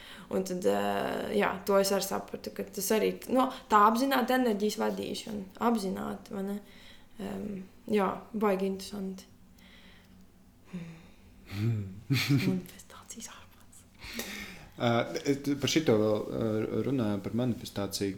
Um, es pats to vēl neesmu izdarījis, bet es visu laiku sev atgādinu, ka man tas ir jāizdara. Uh, Gan nevis uzrakstīt priekš sevis dziesmu, kuru manifestēt, bet uh, uzrakstīt vienkārši standarta mantru un, un vienkārši ierakstīt viņu audio formātā mm -hmm. un tad klausīties. Mm -hmm. Un uh, ar laiku, tad, kad tu viņu klausies entās reizes, pat ja tu viņu neesi, viņu nevajag, viņai nevajag rīmēties, vienkārši Jā. tur vajag jābūt visam, kam ir jābūt. Uh, tu sāc atcerēties. Jo, Super, jo tad, jā. kad es uh, kādreiz aktīvi kopu mantru lasīšanu, uh, kad tu katru rītu vienkārši izlasi, tad, tad bija tā, ka es šķīru vaļā šo nu, plānotāju, kur man viņi bija ierakstīti. Un es zināju jau tā, ka viņi no galvas, bet viņi vienkārši nolasa un, Jā. un centies vienā brīdī tu pat uh, nejūtīgi viņu lasu, tu vienkārši atver un nāc. Um, tad tu sāc jau sev trenēt to, ka ne, ir jāieliek emocija, ir arī jāredz, kā tas viss izskatās, bla, bla, bla. Strādā. Mm -hmm. Man, man ir stāsts par šo, par šo te pašierakstīto mantriņu, jo pirms kaut kādiem trim gadiem vai kaut kas tāds, es vienmēr es, es ievadu tāds, ka es esmu bijis vienmēr ļoti darboholiska un šī sevis nemīlēšanas eh, kulta dēļ vai šīs problēmas dēļ es bieži aizmirstu par lietām, ka jārūpējas par sevi. Mm -hmm. Un tad, eh, lai to mainītu, es, uz, es domāju, es tikko biju sākus taisīt, mācīties taisīt bītiņus, nu, tipa, un es domāju, es varētu uztaisīt šo mantru. Un vienu dienu es, man bija jādzer kaut kādas zāles, jo tajā laikā es diezgan daudz dzēru zāles, un mans fiziskais ķermenis ļoti slimoja garīgās veselības dēļ īstenībā. Un es, man vajadzēja katru dienu vienā laikā dzert zāles. Un domāju, es varētu pamēģināt tajā zālē ielikt kaut kādu enerģiju iekšā. Nu, tā kā nevis burtiski iedzert to ķīmiju tikai. Bet pamēģināt arī kaut ko garīgu. Un es uzrakstīju tādu absurdu, tipa, es, ne, es, ne, es nezinu, kur mans fails ir, bet Viņu sauca spirituālā mīl savu ķermeni pauze. un katru dienu, piecos vakarā, man sāk skanēt sūdīgas kvalitātes, tāds rītīgi, rītīgi kriņķis. Jau spirituālā mīl savu ķermeni pauze, pauze. Pauze, spirituālā, mīli savu ķermeni, pauze, un pauze, un pauze. Un nu, vienkārši absurdi kvalitāte, nu, kvalitāte bija absurda bet nereāli ilgi nostaigāja ar viņu. Un viņa man bija, bija tas atgādinājums, pareizi, ok, ir, ir pagājusi izdiena, tu nespēji nevienu pauzīt, kur tu padomā par sevi. Ir pieci vakarā, ok, tu iedzer to ķīmiju, vai nevar čist vēl bišķiņu kaut ko izdarīt. Nu, tā kā, nezinu, pasēdi, nezinu, pameditē, kaut ko izdarīt priekš sevis. Viņa man rītīgi palīdzēja. Un bija arī kuriozi, jo nu, viņi ir nu, vatfaks nu, pēc idejas. Cilvēkiem, mm. kas nespēj, kas ir. Un es arī, kad braucu kaut kur mašīnā ar jauniem cilvēkiem un gribas izties normāli un stilīgai, un man telefons palicis bagāžniekā uz šoseis, un mēs braucam, un man sāk skanēt šitais te. Es domāju, bļēģi, kā lai es to izskaidroju cilvēkiem, ka es negribu izskatīties pēc pilnīgi kaut kāda ezotēriska, tā kā rītīgi rēcīgi un tik daudz bija tās situācijas. Bet tie, kas zināja, ka viņi būs, viņi jau tā kā viņi gaidīja, ka būs. Nu, kur ir? Viņi pa laikam joprojām paprasa, draugi, tev joprojām ir tas foršais modinātājs.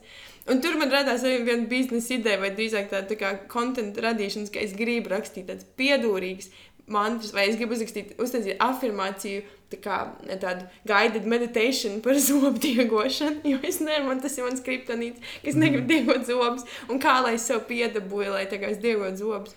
Un nu, nē, esmu vienīgās pasaules, kam slinkums vakarā pēc garas darbdienas diegot zobus. Nē, es esmu vienīgā, kas ar darba hausmu dēļ nepaņem savu pauzīti. Un kādam arī noderētu tāds jocīgs uh, audio fails, modinātājs signāls atcerēties. Nu, mm -hmm. Vai arī modinātājs es arī taisīju savus. Un es vienkārši tā kā, labrīt, skaistā princese! Un tur kaut kādas vienkārši runāja kaut kādas tādas absurdas lietas, jo man caur joku ir vieglāk, izdarīt reāli lietas, mm -hmm. bet beigu beigās tas strādā. Un, un, un klausītājs nevar dzirdēt, bet man arī uz galda stāv reāli tā kā AliExpress princeses kronītes. Ak, Dievs, man tur stāv tā kā lelīte, rokas lelīte, tas ir Ekhards Tolle. Tāds... Viņš ir tik līdzīgs. Viņš tiešām izskatās pēc tā kā mīļa sliņķa. Un es reāli nomierinu šo lēlīti, jo viņš ir mans garīgais skolotājs. Tā kā, nu, man patīk caur pietūrieniem. Un uz katras spoguļa ir, ir rociņa, jo tas ir tā kā high five sev.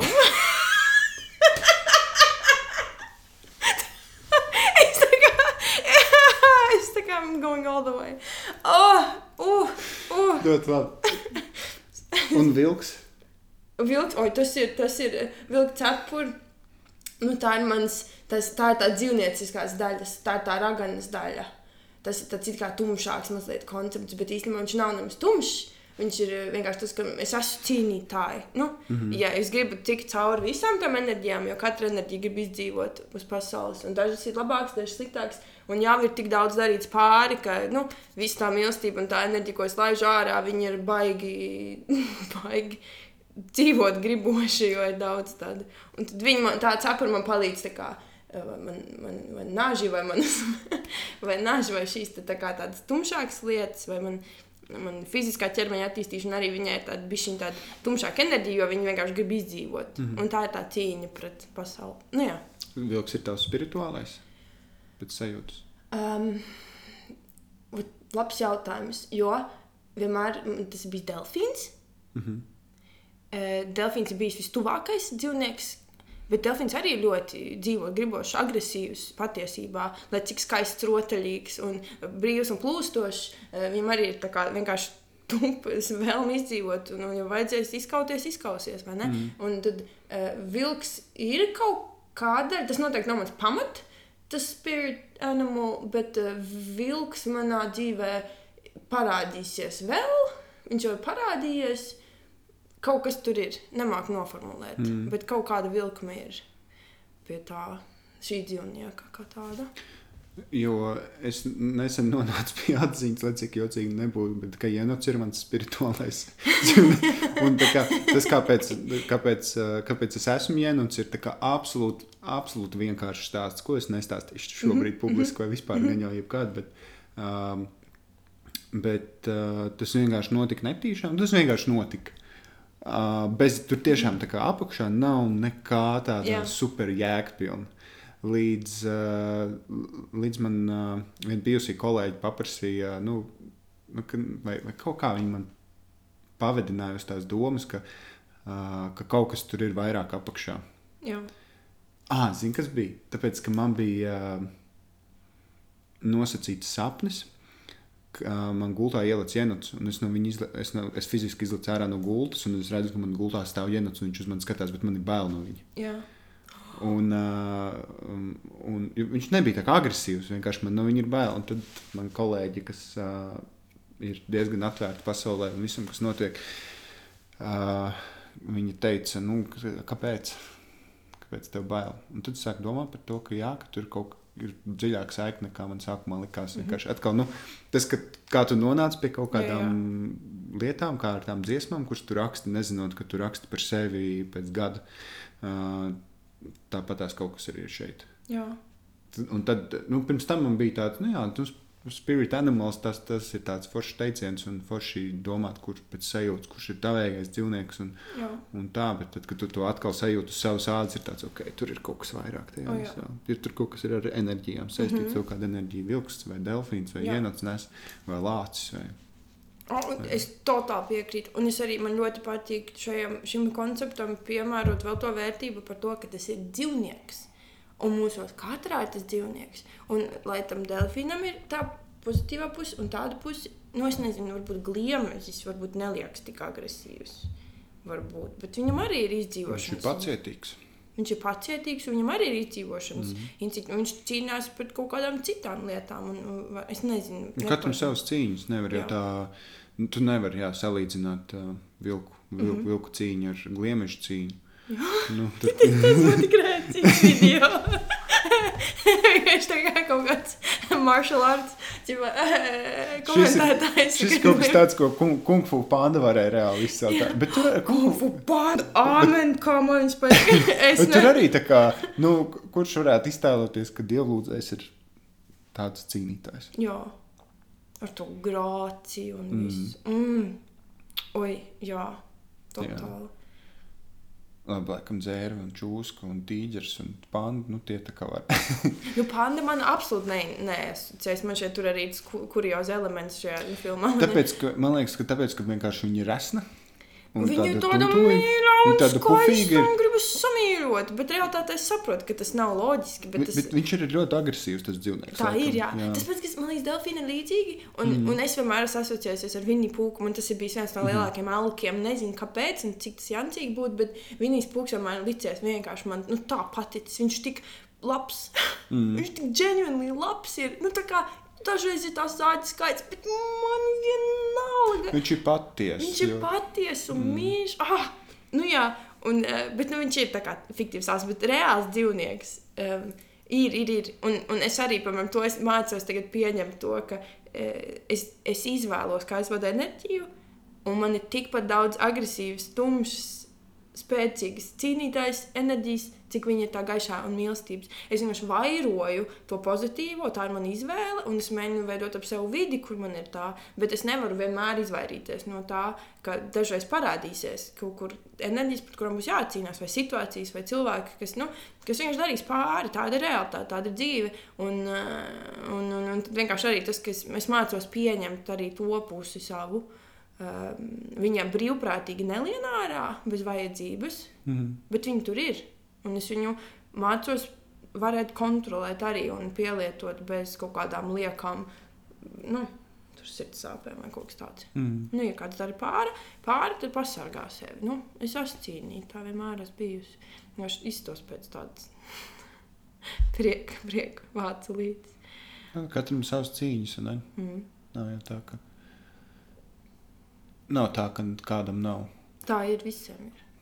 Pat, pat ja liekas, es nezinu, nu, pirmais piemērs, kas nāk prātā, ka tur Kardashianām viss ir kārtībā. Nu, nav jau. Nē, nē, nē. Skaidrs, ka viņām ir kaut kādas lietas, kas ir vieglākas dzīvē, un, un ir jau no bērna kājas. Bet varbūt viņām nav tādu lietu no bērna kājas, kas mums ir bijušas. Mm. Nu, viss jau ir balansā un kaut kādām Absolūti. cīņām viņas iet cauri, kuras varbūt mēs pat nespētu izcīnīt. Mhm. Bet viņas nespētu izcīnīt mūsējās. Jā. Un slāva arī ir reāla cīņa. Nenormāla cīņa. Tā ir crazy. Nevaru. Vakardien, vakardien kaut kā tieši sanāca par to domāt. Neteikšu kontekstu, kāpēc, bet, bet tieši domā par to, cik grūti ir būt atpazīstamam cilvēkam. Nu, tā tiešām pasaulē atpazīstamam. Nav nevelti jau tie cilvēki savā starpā čupojās. Nu, tāpēc, ka viņi viens otru saprot. Jā. Tā viņiem citur grūti ir. Nu, protams, ir visādas melnās āvis un izņēmumi tajā visā, bet grūti. E, Vēl par tām mantrām runājot, es, es biju Santiago, tad uh, pirmā, pirmā diena vienkārši nāve. Un, un tu daudz reizes dienā sev uzdod jautājumu, kāpēc, kāpēc es sev šo nodaru. Īpaši, ja tu, pat ja tu esi fiziski gatavs, ir grūti, bet ir vēl grūtāk, ja tu neesi fiziski Mhm. gatavs, kā tas nebija. Un uh, bija viens uh, brīdis, uh, ko es iemācījos pirmajā ceļā, uh, bija pateikties savām kājām. Jo, Mm, skaisti. jo viņas nes visu to, to vaiprātu, un tu vienkārši pat ne skaļi, vai reizēm skaļi. Uh, ja tu esi viens un negribi iztīties jocīgi, tu vienkārši pa savam kaut kā, Mhm, bet pasakies viņām. Un šoreiz bija tā, ka es jūtu, ka nepietiek vienkārši pateikt kājām paldies, un es pie sevis uh, kāpjot kalnā, mirstot ar pārāk smagu somu uz pleciem, pie sevis skaitīju. Paldies manam, paldies manam ķermenim, paldies manam garam. Es sapratu, sāku vilkt kopā, kas tad ir tas, kas mani nes visā šajā pieredzē.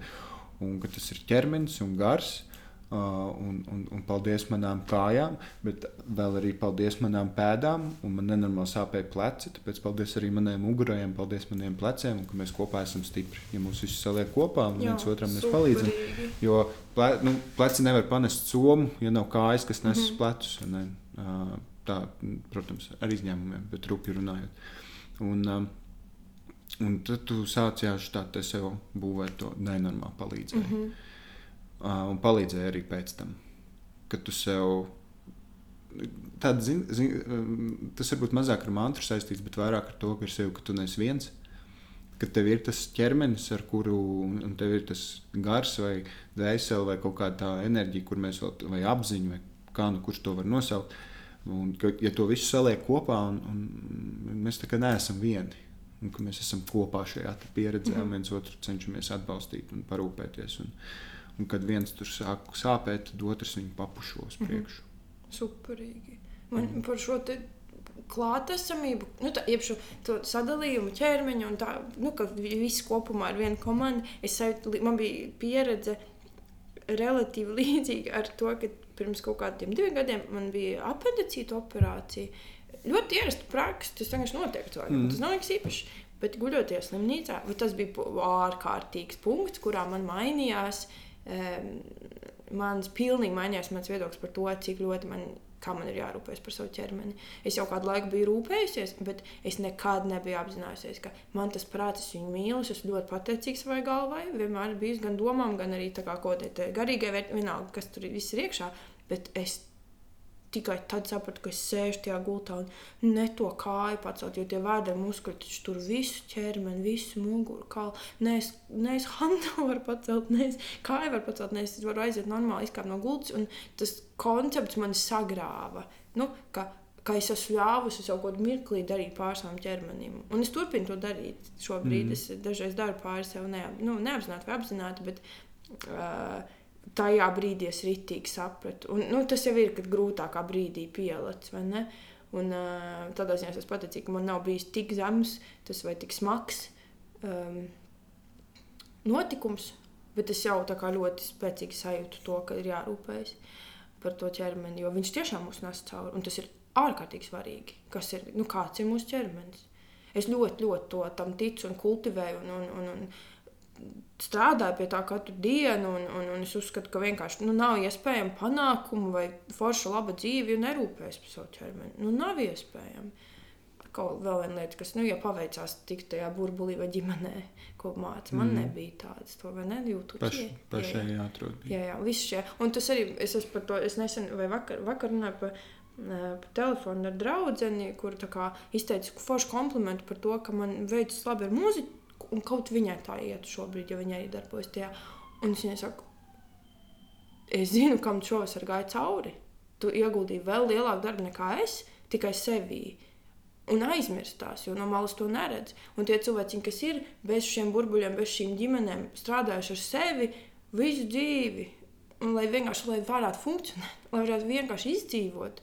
Un tikai tad viņi sāk, tad viņi sāk no tā nulles punkta ārā kāpt. Un tas, tas ir tik bailīgi, ka mēs salīdzinām tik ļoti un aizmirstam. Tas man ļoti sāp. Es gribu nu, dalīties ar to, ka tas, nu, um, tā ir viena no manām misijām noteikti. Jo es esmu kāpusi, lai tiktu līdz nulles punktam, un tad no nulles punkta tur būtu, piemēram, sākas. Mm. Un, un tad, kur tu biji vēl piecus gadus pirms tam? Es vienkārši mēģināju izdzīvot. Nu? Un, un, un nevaru, es nedrīkstu sevi salīdzināt, un, un es vienkārši gribu, lai arī citi to nesalīdzina. Jo es tāpat ar savu kāpšanu, tāpat biju, piemēram, augstākā punktā nekā ārkārtīgi liela daļa pasaules ir. Un viņiem vēl tālāk jāizkāp, lai tiktu nulles pozīciju. Mm. Nu, tas tā kā kreizī liekas.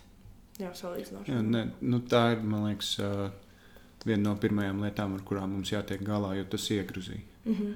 Tas, man liekas, ka tur jābūt ļoti stipram cilvēkam jau pamatā, lai salīdzināšana dotu kaut kādu to, uh, veselīgo konkurences sajūtu. Uh, jo esmu daudz dzirdējis to, ka veselīga konkurence tomēr palīdz tev, tev augt. Bet, nu, manā pieredzē veselīga konkurence nekad nav palīdzējusi augt. Vienkārši pat tieši otrādi vienkārši ļāvis apstāties, mm -hmm. nedarīt tāpēc kāda jēga. Mm -hmm. mm, tas man liekas arī nenormāli būtiski. Un tu nevari arī Mēs jau, nu, ja tā loģiski domā, mēs jau nevaram salīdzināt sevi ar kādu citu. Jo mēs jau neviens nesākam no viena tā paša punkta. Mm. Ne, pat nu, jau piedzimstot, nē, nu, mm -hmm. nevari salīdzināt sevi ar kādu meiteni Amerikā. Nu, pilnīgi, tur viss ir atšķirīgs. Mm, gan tas burbulis, kādā viņa aug, gan tie noteikumi, kādi ir tajā valstī. Un, un tas jau tāds ļoti ekstrēms piemērs, jo Amerika vispār ir kaut kāds kosmos. Bet, Bet pat šeit pat esot, nu, dažādas pieredzes, dažādi ģimenes moduļi, kuros tu mm. audz. Tas, ko tev ģimene iedod, un katram tā ģimene iedod kaut ko savu, un, tas tev veido. Un, un, jā, tas grūti. Bet, nu, tagad ar visu sociālo tīklu laiku ļoti grūti sev nesalīdzināt ar kādu, pat ar saviem draugiem. Tu pat tik elementāru lietu dari. Mm -hmm. Lai gan mēs jau to esam darījuši vēl pirms sociāliem tīkliem, bet tagad tas ir vēl smagāk to visu darīt. Un tā ir tā sevis kaut kāda nemīlestība, ka tu skaties, ka citam iet labāk, un tev ir tāds, ah, bet man jau neiet tik labi. Tāpēc, ka man nesnāk šitais, šitais, šitais. Un mentāli tu jau sevi sāc graut. Un kaut kā ir, nezinu, es, tāpēc, tāpēc tad, kad es kaut ko dalos savos sociālos tīklos, um, ja es jūtu, ka ir jādalās, es mēģinu pēc iespējas patiesāk par to dalīties, un ka nevis viss ir skaisti un rožaini, bet arī kā meh, slikti ir. Es arī cenšos šo kultivēt. Un, un vienkārši ir slikti, bet nu, tāpat laikā tu arī negribi baigi visus nogrzīt ar saviem postiem. Mm -hmm. nu, kaut, kā, kaut kā atrast to līdzsvaru, lai nav tā, ka izskatās, ka tev viss ir rožaini. Un, protams, ka tu nevari Un tu to pati šajā sarunā minēji, tu nevari parūpēties par katru triggeriem un par to, kā katrs jūtas. Bet, bet, ja tu esi nepatiess, tad jau tas daudziem tieši otrādi nodara pāri. Tas gan jau. Un centies izlikties par to, kas tu neesi. Un skaties uz daudziem, ko tu nezini. Latviešu influenceriem un redzi, cik viņiem ir liels sekotājs skaits un kā viņiem visādi dīli notiek un tam līdzīgi. Bet tu taču nezini, kas viņam tur notiek galvā vai sadzīvē. Nu, varbūt viņam ir lielāks kārtkors nekā tev. Gribu samainīties. Es jau nezinu, ar ko tu mainies vietām. Mm. Tā ir. Es arī līdzīgā kontekstā par to. eh, Tas eh, vecais labais teiciens, be careful what you wish for. eh, Vai arī, un arī tas, ka vienkārši ļoti konkrēti nodefinēt, ko tu vēlies. Un tad, um, jo tas par to arī manifestācija. Nu, Mm.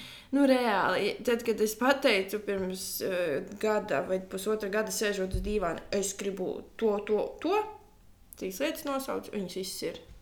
Vai es esmu super laimīga? Nē, tāpēc es pateicu trīs lietas, kuras piepildījās. Piemēram, nu, jo es strādāju pie tā, tas bija sistemātisks darbs mm -hmm. un tā tālāk.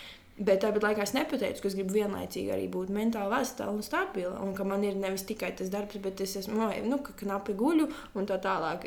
Es nepateicu šīs lietas. Un tagad, piemēram, arī es, ja es vēlos tur eh, kaut ko citu izdarīt eh, līdz kaut kādam konkrētam laikam, tad nu, jau es esmu daudz apzinātāka par to, ka es mēģinu pateikt klāt arī lietas, kuras es varu mēģināt šobrīd iedomāties. Ka vajag, lai viņas arī piepildās. Nu, ka ir jārūpējas par un tā tālāk. Un skatoties uz uh, nu, ļoti, ļoti lielu daļu sociālajos tīklos aktīviem cilvēkiem, nu, nav tā parauga, kā, ka tur ir arī tā. Nu, dažas novītas rozītas tajā krūmā, jā, vai ne? Mm. Nu, tas jā, nu, šajā te, tajā visā manifestācijā jābūt ļoti, ļoti precīzam. Jo tu vari paprasīt, ka tu gribi būt bagāts un ka tu gribi miljonu kontā, un tu laimē loteriju pēkšņi, kas it kā piepilda tavu to vēlmi. Um, bet cik daudz ir tādu stāstu, kur cilvēki ir laimējuši liels naudas summas loterijā, un tas uh, viņus ir padarījis, nenor padarījis nenormāli nelaimīgus.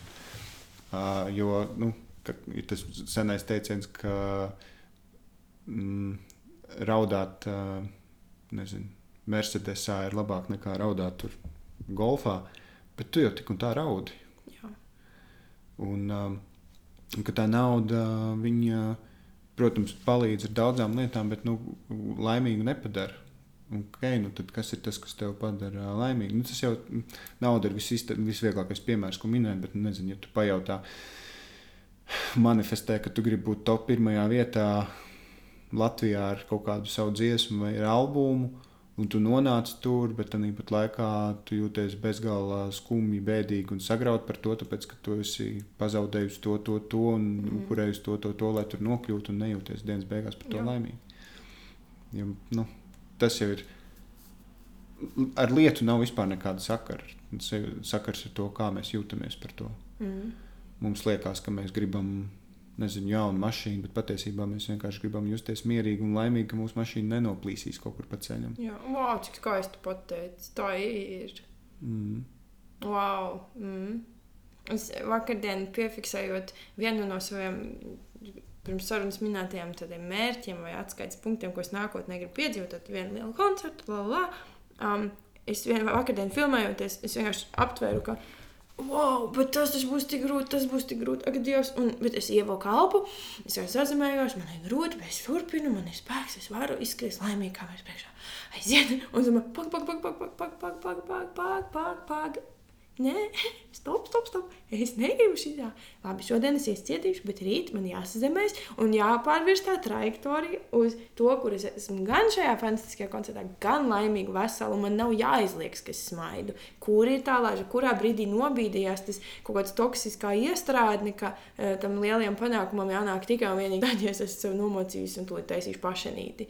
Nu, tā kā, tas nav, tam nav tā jābūt. Tas ir kaut kāds, nu, sačak, nu, kaut kāda kļūda sistēmā. Mm. Un man ir tāds, ok, tagad man vajag to, uh, kā, kā sauc, kad kompasu. Vajag, nu, nu, atkal uztaisīt tādu. Atrast kursu. Jā, jā, jā tas ir mm. pareizo kursu novirzīt un tad skriet atkal tālāk. Jo citādi baigi viegli var ieiet tajā. Mm. Tu vari pārstrādāties un, un upurēt visu kaut ko tādu, ko tu negribi upurēt. Tā ir man, ne, nezinu, tā ir man, tas ir mans lielākais kriptonītis. Tas ir reāli mans lielākais kriptonītis. E, tā galējība ar, ar, ar, ar šo pārstrādāšanos. Mm. Ir baigi mācos. tāpēc arī man ir tas, tas komplimentu pierocis un viss, un būs vēl daudz, kas es jau jūtu, ka mūzikā daudz nāks ārā no manis. Tas pašmīlestības koncepts, jo man viņu vajag, man vajag sevi mācīt mīlēt sevi. Tas ir viss, mans primārais reāli būtu uzdevums šobrīd mm. dzīvē. Ja es gribu to trajektoriju virzīt, ar racionālu prātu es zinu, pirmais, kas man jāizdara, ir jāiemācās beidzot sevi mīlēt, rūpēties par sevi. Tas nav nekad mācīts. Man, man ir jāiemācās vienkārši kā tu praksi. Sēdi internetā, googlē, YouTube, mācies, dari. Nu, tas ir tik vienkārši. Vienkārši mm. jāsaņemās. Tā kā, jā. Tas, ko es tev jau kaut kādā nezinu, stundu gribu pajautāt. Um, par to sevis mīlestību, un, un tu tā kā to mācies darīt, un, un skaidrs, ka tas nav tikai par uh, domāšanu, bet tas ir nezinu, vairāk kā 50% varbūt, varbūt arī ne. Uh, visi balansā, bet tas ir par visādām praktiskām lietām. Mm -hmm. uh, kas ir tās praktiskās uh, lietas, kuras tu dari? Mm -hmm. Kā tu sevi mīli apzināti? Um, fantastisks jautājums. Es ļoti teikt, karstasinīgi par šo tēmu. Um, tas ievadam, tas koncepts, pēc kā es vados, ir tāpat mīlēt sevi, tāpat kā mīl bērnu. Mīl ar mīlumu, bet tu esi arī stingrs pret bērnu, ja viņam, ja tu noliksi bļodu ar končām, datorspēles un blakus gultiņa, un ir jau pusnakts, ja tu nebūsi stingrs kaut kādā caur mīlumu caur mīlestību, tad nedabūsi nekad viņa gultā. Bet viņam vajag miegu, lai viņš augtu, lai viņš kā, attīstītos pareizi, bērnam vajag miegu. Un tad es pret sevi cenšos pēc šādas pašas principa virzīties. Man vajadzīgs kvalitatīvs miega režīms, es ceļos katru rītu piecos cenšos katru rītu, gulē, katru vakaru iet gulēt vienā laikā. Ar to es ļoti kliboju, jo, bet celties man patīk, jo rīti ir produktīvi. Um, es eh, ļoti rūpējos par savu uzturu, visu laiku pētu, kas man ir vajadzīgs, kas man nav vajadzīgs tajā brīdī. Ļoti mēģinu klausīties savā ķermenī šo. Nu, šī uztura, fiziskās aktivitātes un miega piramīda man ir bāze. Uh, es katru dienu cenšos kustēties. Un tas ir ļoti svarīgi un ļoti mīļa lieta. Uh, Um, un tur tādas mikroprakses, un visi šie paši jociņi, ko mēs iepriekš minējām par tām afirmāciju, tām atgādinājumiem. Te viss siena ir izlīmēta ar kādām lapiņām un plāniņiem, un man vienmēr līmlapiņas, lai man nav tās domas. Jā, domas visu laiku ir, lai es varu viņas uzlipināt, pēc tam sašķirot. Um, es meditēju katru dienu. Um, vismaz nu, cenšos. Kad es saku, es to daru katru dienu, protams, es izlaižu dažreiz, jo tāda ir dzīve. Es esmu tikai cilvēks, bet tā ir lieta, kur, ja es izlaižu vairāk kā vairākas dienas, es jau saprotu, ka man paliek sliktāk. un viens tāds koncepts, pēc kuras virzos, bija pirms dažiem diviem gadiem. Man ar mentālu veselību vienmēr bija visādi augšas un lejas, tieši ar konceptu augšas un lejas. Un vienā brīdī es sāku domāt, ah, jā, nu man reāli ir bipolārie traucējumi. Bija tik traki, bija tiešām traki. Un es sāku lasīt, un es it kā saku, ka nav labi pašdiagnosticēt sevi ar kaut ko, ko tu piedēvē savas slimības, um, kam es it kā piekrītu, bet tāpat laikā es sev piedēvēju tajā posmā to, ka man ir bipolārie traucējumi ar apziņu, ka es negribu to risināt ar zālēm. Okay? Kā es to risinu?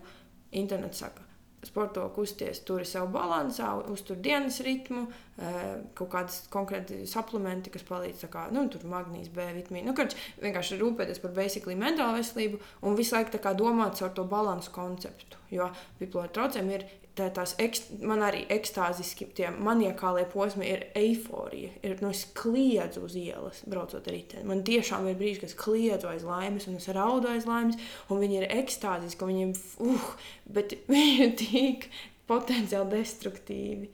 E, man bijuši, un tas pats ar lejām. Un es vienkārši arī piedomāju, ok, pamēģinām, piedalāmies konceptam, man ir bipolāra traucējumi, aiziet, kā man jādzīvo, lai saglabātu balanci. Un kopš tā laika es dzīvoju šādā modelī, uh, um, par to dienas režīmu, vispār struktūru, kas priekš mūziķa arī nav nemaz tik viegli izdarām lieta. To es saskāros. Pirmo reizi mēģinot uztaisīt super tādu sakārtot dienas ritmu, kā muzeķim, laikā, kad man bija pat, pat trīs koncertiem, pat nedēļā gadījās, vai kaut kāda bāra spēle tur, vai kaut kas tāds, vai mēģinājumu vakaru drausmīgi grūti. Um, nu jā, tā kā šīs ir tās prakses, ar kurām es, uh, un tas ir katru dienu konkrēts darbs. Man kalendārā ir atsevišķi laiki, ka man jāpēd, ka, man ir, ka man ir jāguļ. Man ir atgādinājumi septiņi laika modinātāji, kas atgādina, ka skolas zvani. Ka, ok, tu esi tikko burtiski jau strādājis septiņas stundas, ir laiks pusdienām. nu tā, jo es sešos no es piecos ceļos, pirmo stundu pavadu šajā kalibrācijā. Es tā kā varētu teikt, ka pirmā stundu dienā es vienmēr kalibrēju sevi uz maksimāli pozitīvāko dienas turpinājumu. Un tad man vienmēr, es plānoju katru vakaru, kladīta man labākā draudzene. Es visu laiku rakstu, žurnāloju un, un, un, un, un, un praktiski nu, te, katru dienu bišķiņi darbojos ar pašterapiju kaut kāda veida. Caur kognitīvu behaviorālo terapiju un caur citiem terapijas arī, nu, veidiem un ievirzēm.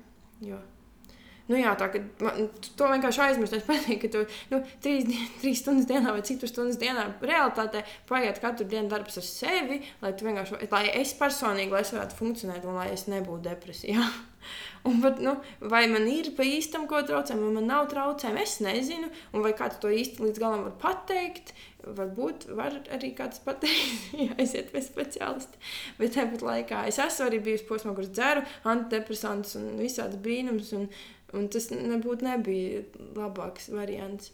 Uh, un tad, tāpēc varbūt tas arī iemācīja to, ka jārūpējas. Ir. Mm, jā, vajag izplūt, bet man vienkārši ļoti daudz prakses. Es esmu šausmīgi daudz. Man, tur, man ir, es esmu mēģinājis visu pēc kārtas. Laikam jau tāpēc, ka tā cīņa ir bijusi tik smaga, tik daudz laika pavadījusi meklējot risinājumus. Tāpēc mm. man ir tur visi tie jociņi, piedūrieni, jo mentāli bija šausmīgi smaga dzīve. Un, un no malas to neredz. Bet, uh, bet tā ir bijis. Un tad, tagad ar visām tām praksēm, uh, burtiski nu, minimums ir jābūt ok. tā kā vidū kaut kur jābalansē. Un tā. Nu, tā. Mm. Un me, un kā, tas ir tāds uh, prakses, kas, protams, kaut kā palīdz arī mentāli un tā, bet, piemēram, kā, kā tu praktizē kaut kādu domāšanu? Vai, mm. ir kaut, vai ir kaut kādas arī prakses domāšanā? Um, es nu, noteikti tā apziņotības trenēšana kā tāda, e, meditācija man tam ir šausmīgi palīdzējusi. Un es ļoti daudz veidu meditācijas tā prakses vispār mhm. mēģinājusi. Ļoti, nu, ļoti daudz. Un uh, vienkārši pēc idejas tas uh, tā fokus punktu turēšana uz kaut ko.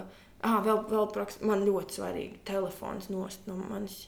Man ir visi paziņojumi izslēgti, zvani praktiski vienmēr ir uz Do Not Disturb. Man ir zeķīte speciāli, kuras liek iekšā telefonu, lai man ir grūtāks, kā, ilgāks ceļš līdz tam, kas tiek pie tā telefona klāt. Eh, jo baigi viegli viņā ir aizmirsties, pazaudēties. Eh, bet par tām mentālajām praksēm, nu, man ir ļoti grūti ar to iet. Es, es gribētu teikt, ka, man, ka es atradu kaut kādu ceļu, bet man tiešām nav viegli eh, būt apzinātai, neļauties ļaun, sliktiem ieradumiem. Neļauties, ka kāds cits man kontrolē, vai, vai tas ir tas telefons, vai tās ir tās reklāmas, kas, vai, vai kaut kāda stimula. Bet, uh, es vienkārši visu laiku maksimāli, maksimāli cenšos nu, kaut kādā veidā būt klātesošs tajā tagadnes brīdī. Un, un, jā, tas ir. Tas ir interesanti. Arī es nesen tieši iedomājos, es jau pirms sarunas rādīju, ka es esmu pie jūras salasījis smilgas. Eh, jo smilgas man vasarā vienā tādā tripiņā, kur es biju, kad es pavadīju nakti pie, pie mežā ar, ar vēlmi pārbaudīt, kā es jutīšos, kā es iešu caur šo tripu. Jo, nu, tas ir darīts iepriekš, bet man tomēr joprojām ir bail naktīs palikt vienā mežā. Mm -hmm. Un tad es paliku uz jūras līnijas, tā teikt, jeb šo kāpās, bet uh, ar domu, ka es varu, ja man ļoti bail paliek, vai ļoti kā, grūti, mentāli smagi, tur bija arī visādi citi faktori, kas pastiprināja to, ka man gribēs būt kontrols pozīcijā par to, kā es jūtos. Tad es atvainojos. Modinātājs, kurš saka, ka parastā darbdienā man būtu treniņš šobrīd. um, un jā, viss viņa aizpildēja. Jūra paškontrola. Jūra paškontrola un arī šis smilks, piemēram, vasarā to fokus punktu man vieglāk ir noturēt, jo ir daba, ir, ir ļoti ekstraverta enerģija. Daba piesaista man, man kā notrīs lapiņas, tā man ir tāds, ah, pareizi, pareizi, čil čilo. Vienkārši notrīs lapiņas man atgādina, ka vai tas ir visums, kas man to pamāja pretī, vai, vai, vai kaut kā citā daba man sazemē. Ziemā, kad daba guļ, es esmu, vismaz man šķiet, ka tas arī dabiski un vienmēr arī mūsu tradicionālajā kultūrā. Tas mm -hmm. ir bijis uz vairāk uz introvertību vērsts laiks, ziemu, uz iekšējo izziņu, uz iekšējiem tripiem.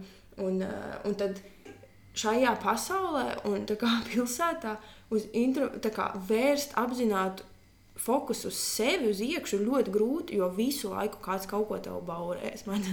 Un visu laiku tev ir jauna informācija, visu laiku ir stimulanti. Visu laiku ir stimulanti. Tas ir šausmīgi liels izaicinājums, un es nemāku vēl tik galā. Nu, ir vieglāk kā, būt apzinātam, tā, kad tu esi izolēts. Man vismaz mm -hmm. ir. Un, uh, tāpēc es apzināti veidoju izolāciju. ļoti, ļoti distancējos no visa, vien, kā es varu. Jo es vienkārši nevaru panest tik daudz un justies labi. Es nevaru, ja es izēju divi vakari nedēļā, vasarā, kad es aizietu patusēties vai satikt draugus, tas ir jau daudz, ļoti daudz. Tad jau sākas toksiski ieradumi, tad es sāku atkal pazaudēt kontroli pār, pār sevi un, un, un spraust šīs robežas. Tik svarīgi ir. Es varētu stundām runāt par to, tām pa, paš, paškopšanas, pašmīlestības praksēm. Paškopšanas. Jā, un tā, tas sevis lutināšanas koncepts kas ir arī absolūti nemācīta prakse mums, manuprāt. Vismaz manā pieredzē. Es atkal varu teikt, mums, bet manā dzīvē. Nu, es neesmu mācījusies, kā sev lutināt, kā izpaust mīlestību sev. Um, Īsumā par, par to mīlestību. Kad vienu dienu, kad es uh, Ir Lizo, ir dziesma, mm -hmm. uh, kur bija Just got my DNA test, turns out I'm 100% that bitch. Mm -hmm. un, un man liekas, ģeniāli. Nu, tā kā, just, un, es, ah, un vienreiz es arī vēl iepriekšējās ilgtermiņa toksiskās attiecībās, kā jau mums lielai daļai ir bijušas, skatos spogulī kaut kādā tīzlā mājas ballītē un skatos, oh, bet paga, paga, paga, es esmu. Es skatos, šobrīd, šajā punktā, es esmu 100% that bitch. Tā kā es esmu tā čika, kur, ja es aizietu uz balīti, es gribētu šito vest mājās. Es, es gribu viņu precēt, es tagad mestos uz ceļiem, es tagad bildinātu. Un, un tā enerģija man liekas, wow! Ja man tā kā būtu, tad es pieķeru sev pie tā koncepta, ka, ja es neizturos pati pret sevi tā, kā es gribētu, ka pret mani izturās kaut kāds pielūdzis vai otrs pusīt, vai, vai kas tad, nu tas ir absurds. Nu tā nedrīkst. Man primāri ir jāpērk sev puķis un primāri jānopērk sev smaržas. Un tādas lietas, ko man nekad neviens nav rādījis, kā piemēru, ka, eh, ka to vajag darīt un ka vajag sev lutināt un, un, un vajag sev tā arī praktiski mīlēt ar tādām lietiņām. Tas tā kā greizi, jo es to nedaru. Nekā. Man ļoti grūti, es mācos. Un man bija pirms tāds, es satrikojos, bet es atvainojos, es nevaru sakontrolēt savu prieku. Pirms divām dienām, laikam, uh, vai vienalga, kad tas bija, neteiksim, laiku, tas nav svarīgi. Kaut kad pirms kaut kāda laika. Uh, es atveru durvis, man teica, man draugs prasīja, vai es esmu uh, nu, vienkārši platonisks draugs, uh, ka vai, vai es esmu brīvs tajā vakarā, es jau varu vaļā durvis, jo zinu, ka viņš nāks. Uh, Un tur nav, tur nav viņš, tur ir meitene, kas man uztaisīs manikīru. Un mēs, wow, ko? Ko? Kāds iespējams? Un tad man uzstājas manikīru, un ir, un ir tik superīgi. Vienkārši, un es domāju, ej, tu nost, bet es neesmu bijusi pati uz manikīru aizgājis nu, nu, gadiem. Nu, un tas, tas it kā šķiet kā sīkums, bet kāpēc? Manas rokas katru dienu, viņas šredo ģitāriņus, man zvana bija soliņas, viņas man palīdz rakstīt mūziku, es viņas mīlu savas rokas. Kāpēc es nevaru viņam uzdāvināt, ka kāds uzstājas smukus nagus? Tas taču ir tik skaisti. Un nākamajā rītā pēc ar šiem smukiem nagiem un mamma man uzdāvināja masāžu. Ka es varu aiziet uz masāžu. Un es guļu uz tā galda svētlēmē. Un, un, Un man bija vajadzīgi ār, ārēji spēki, kas mani mīl un atbalsta, kas man iesaka pa seju un pasaka, nu, tā mīļā veidā. Saņemies, rūpējies par sevi. Mēs tagad to palutināsim, sajūtu enerģiju un dari to arī pret sevi. Bet tas tik grūti nākas. Un tad es mācos arī, eh, tas skan absurdi, bet tas priekš manis ir pilns slodzes darbs, tā kā lutināt sevi, mācīties lutināt sevi. Um, jā, Ai, iekars. Ir liels jautājums. Man patīk tas uh, Līzo piemērs. Tikai es Līzo pirmo reizi dzirdēju, līdz tam brīdim es nezināju, ka manī kaut kur mīt black independent woman. Mhm. jo, jo kad skan Līzo, tad ir tāds, ah, oh, girl, jā, jā, amen jā. to this one. jā, jā. Brīnišķīga enerģija. Tas fantastiska mm. enerģija. Tiešām ļoti, ļoti, ļoti, mm. ļoti iemīlējos. Un ļoti iedvesmojos arī. Mm. Un, un ir skaisti, ka ir nu, tā teikt. To es taču nesu to kroni sev uz galvas, ka es gribu to darīt. Radīt paraugu, kāda var būt, ka princeses var būt dažādas. Līzorija, tā viņa princese karaliene, vienalga kā to, to lomas, nu, ir dažādas. Un nedrīkst iztēloties vai likt kādai mazai ķiparienai un ķiparam bērnam augot, likt justies, ka tikai tāpēc, ka viņš neizskatās kaut kā, vai neuzvedās kaut kā, ka viņš nav tā princese vai karalis. Tas ir tik stulbi! Mm, Fui, man besī! Un es esmu kategoriski neesmu tāda, tāda super tipiskā tā kā, kaut princese vai dīva vai vienalga kas, bet tas nekādā veidā nemazina manu to vērtību kā sievietei. Bet es vienkārši to pati tagad mācos, un tāpēc arī man mūzikā tas ies cauri eh, ļoti daudz parādās jau albumā, un vispār parādīsies arī nākotnē. Es jūtu to manu vēlmi vienkārši parādīt, ka visiem, visi ir pelnījuši to mīlestību. Un visi ir tās karalienes, un visi ir tie 100% that bitch. Nu, ja tu esi savā apzināti, sava potenciāla maksimumā tajā brīdī, tad tu esi tas. Tu esi labākais, kas tu vari būt. Un, un, nav, nekad mūžā es nebūšu divmetrīga. Viktorijas Secret modelis. Es esmu 1,60 m. Un visu dzīvi dzīvot, justies sūdīgi par to, tas ir. Viņa gribas iesist kādam. nu, nedrīkst. Un es vienkārši rītī gribu būt tas, tas nu, tā, tā, kā tā lielā māsa. Kādam man pateikt to, ka pilnīgi vienalga. Tā kā nu, neklausāmies, neklausāmies, pietiks. Joprojām pārāk daudz mums ir eh, satura apkārt, uh, satura un informācijas, kas liek mums pašiem sevi ienīst un ķermeņus. Un, un, nē, nē, nē, fuj. Tas man liekas pilnīgi garām. Pilnīgi garām.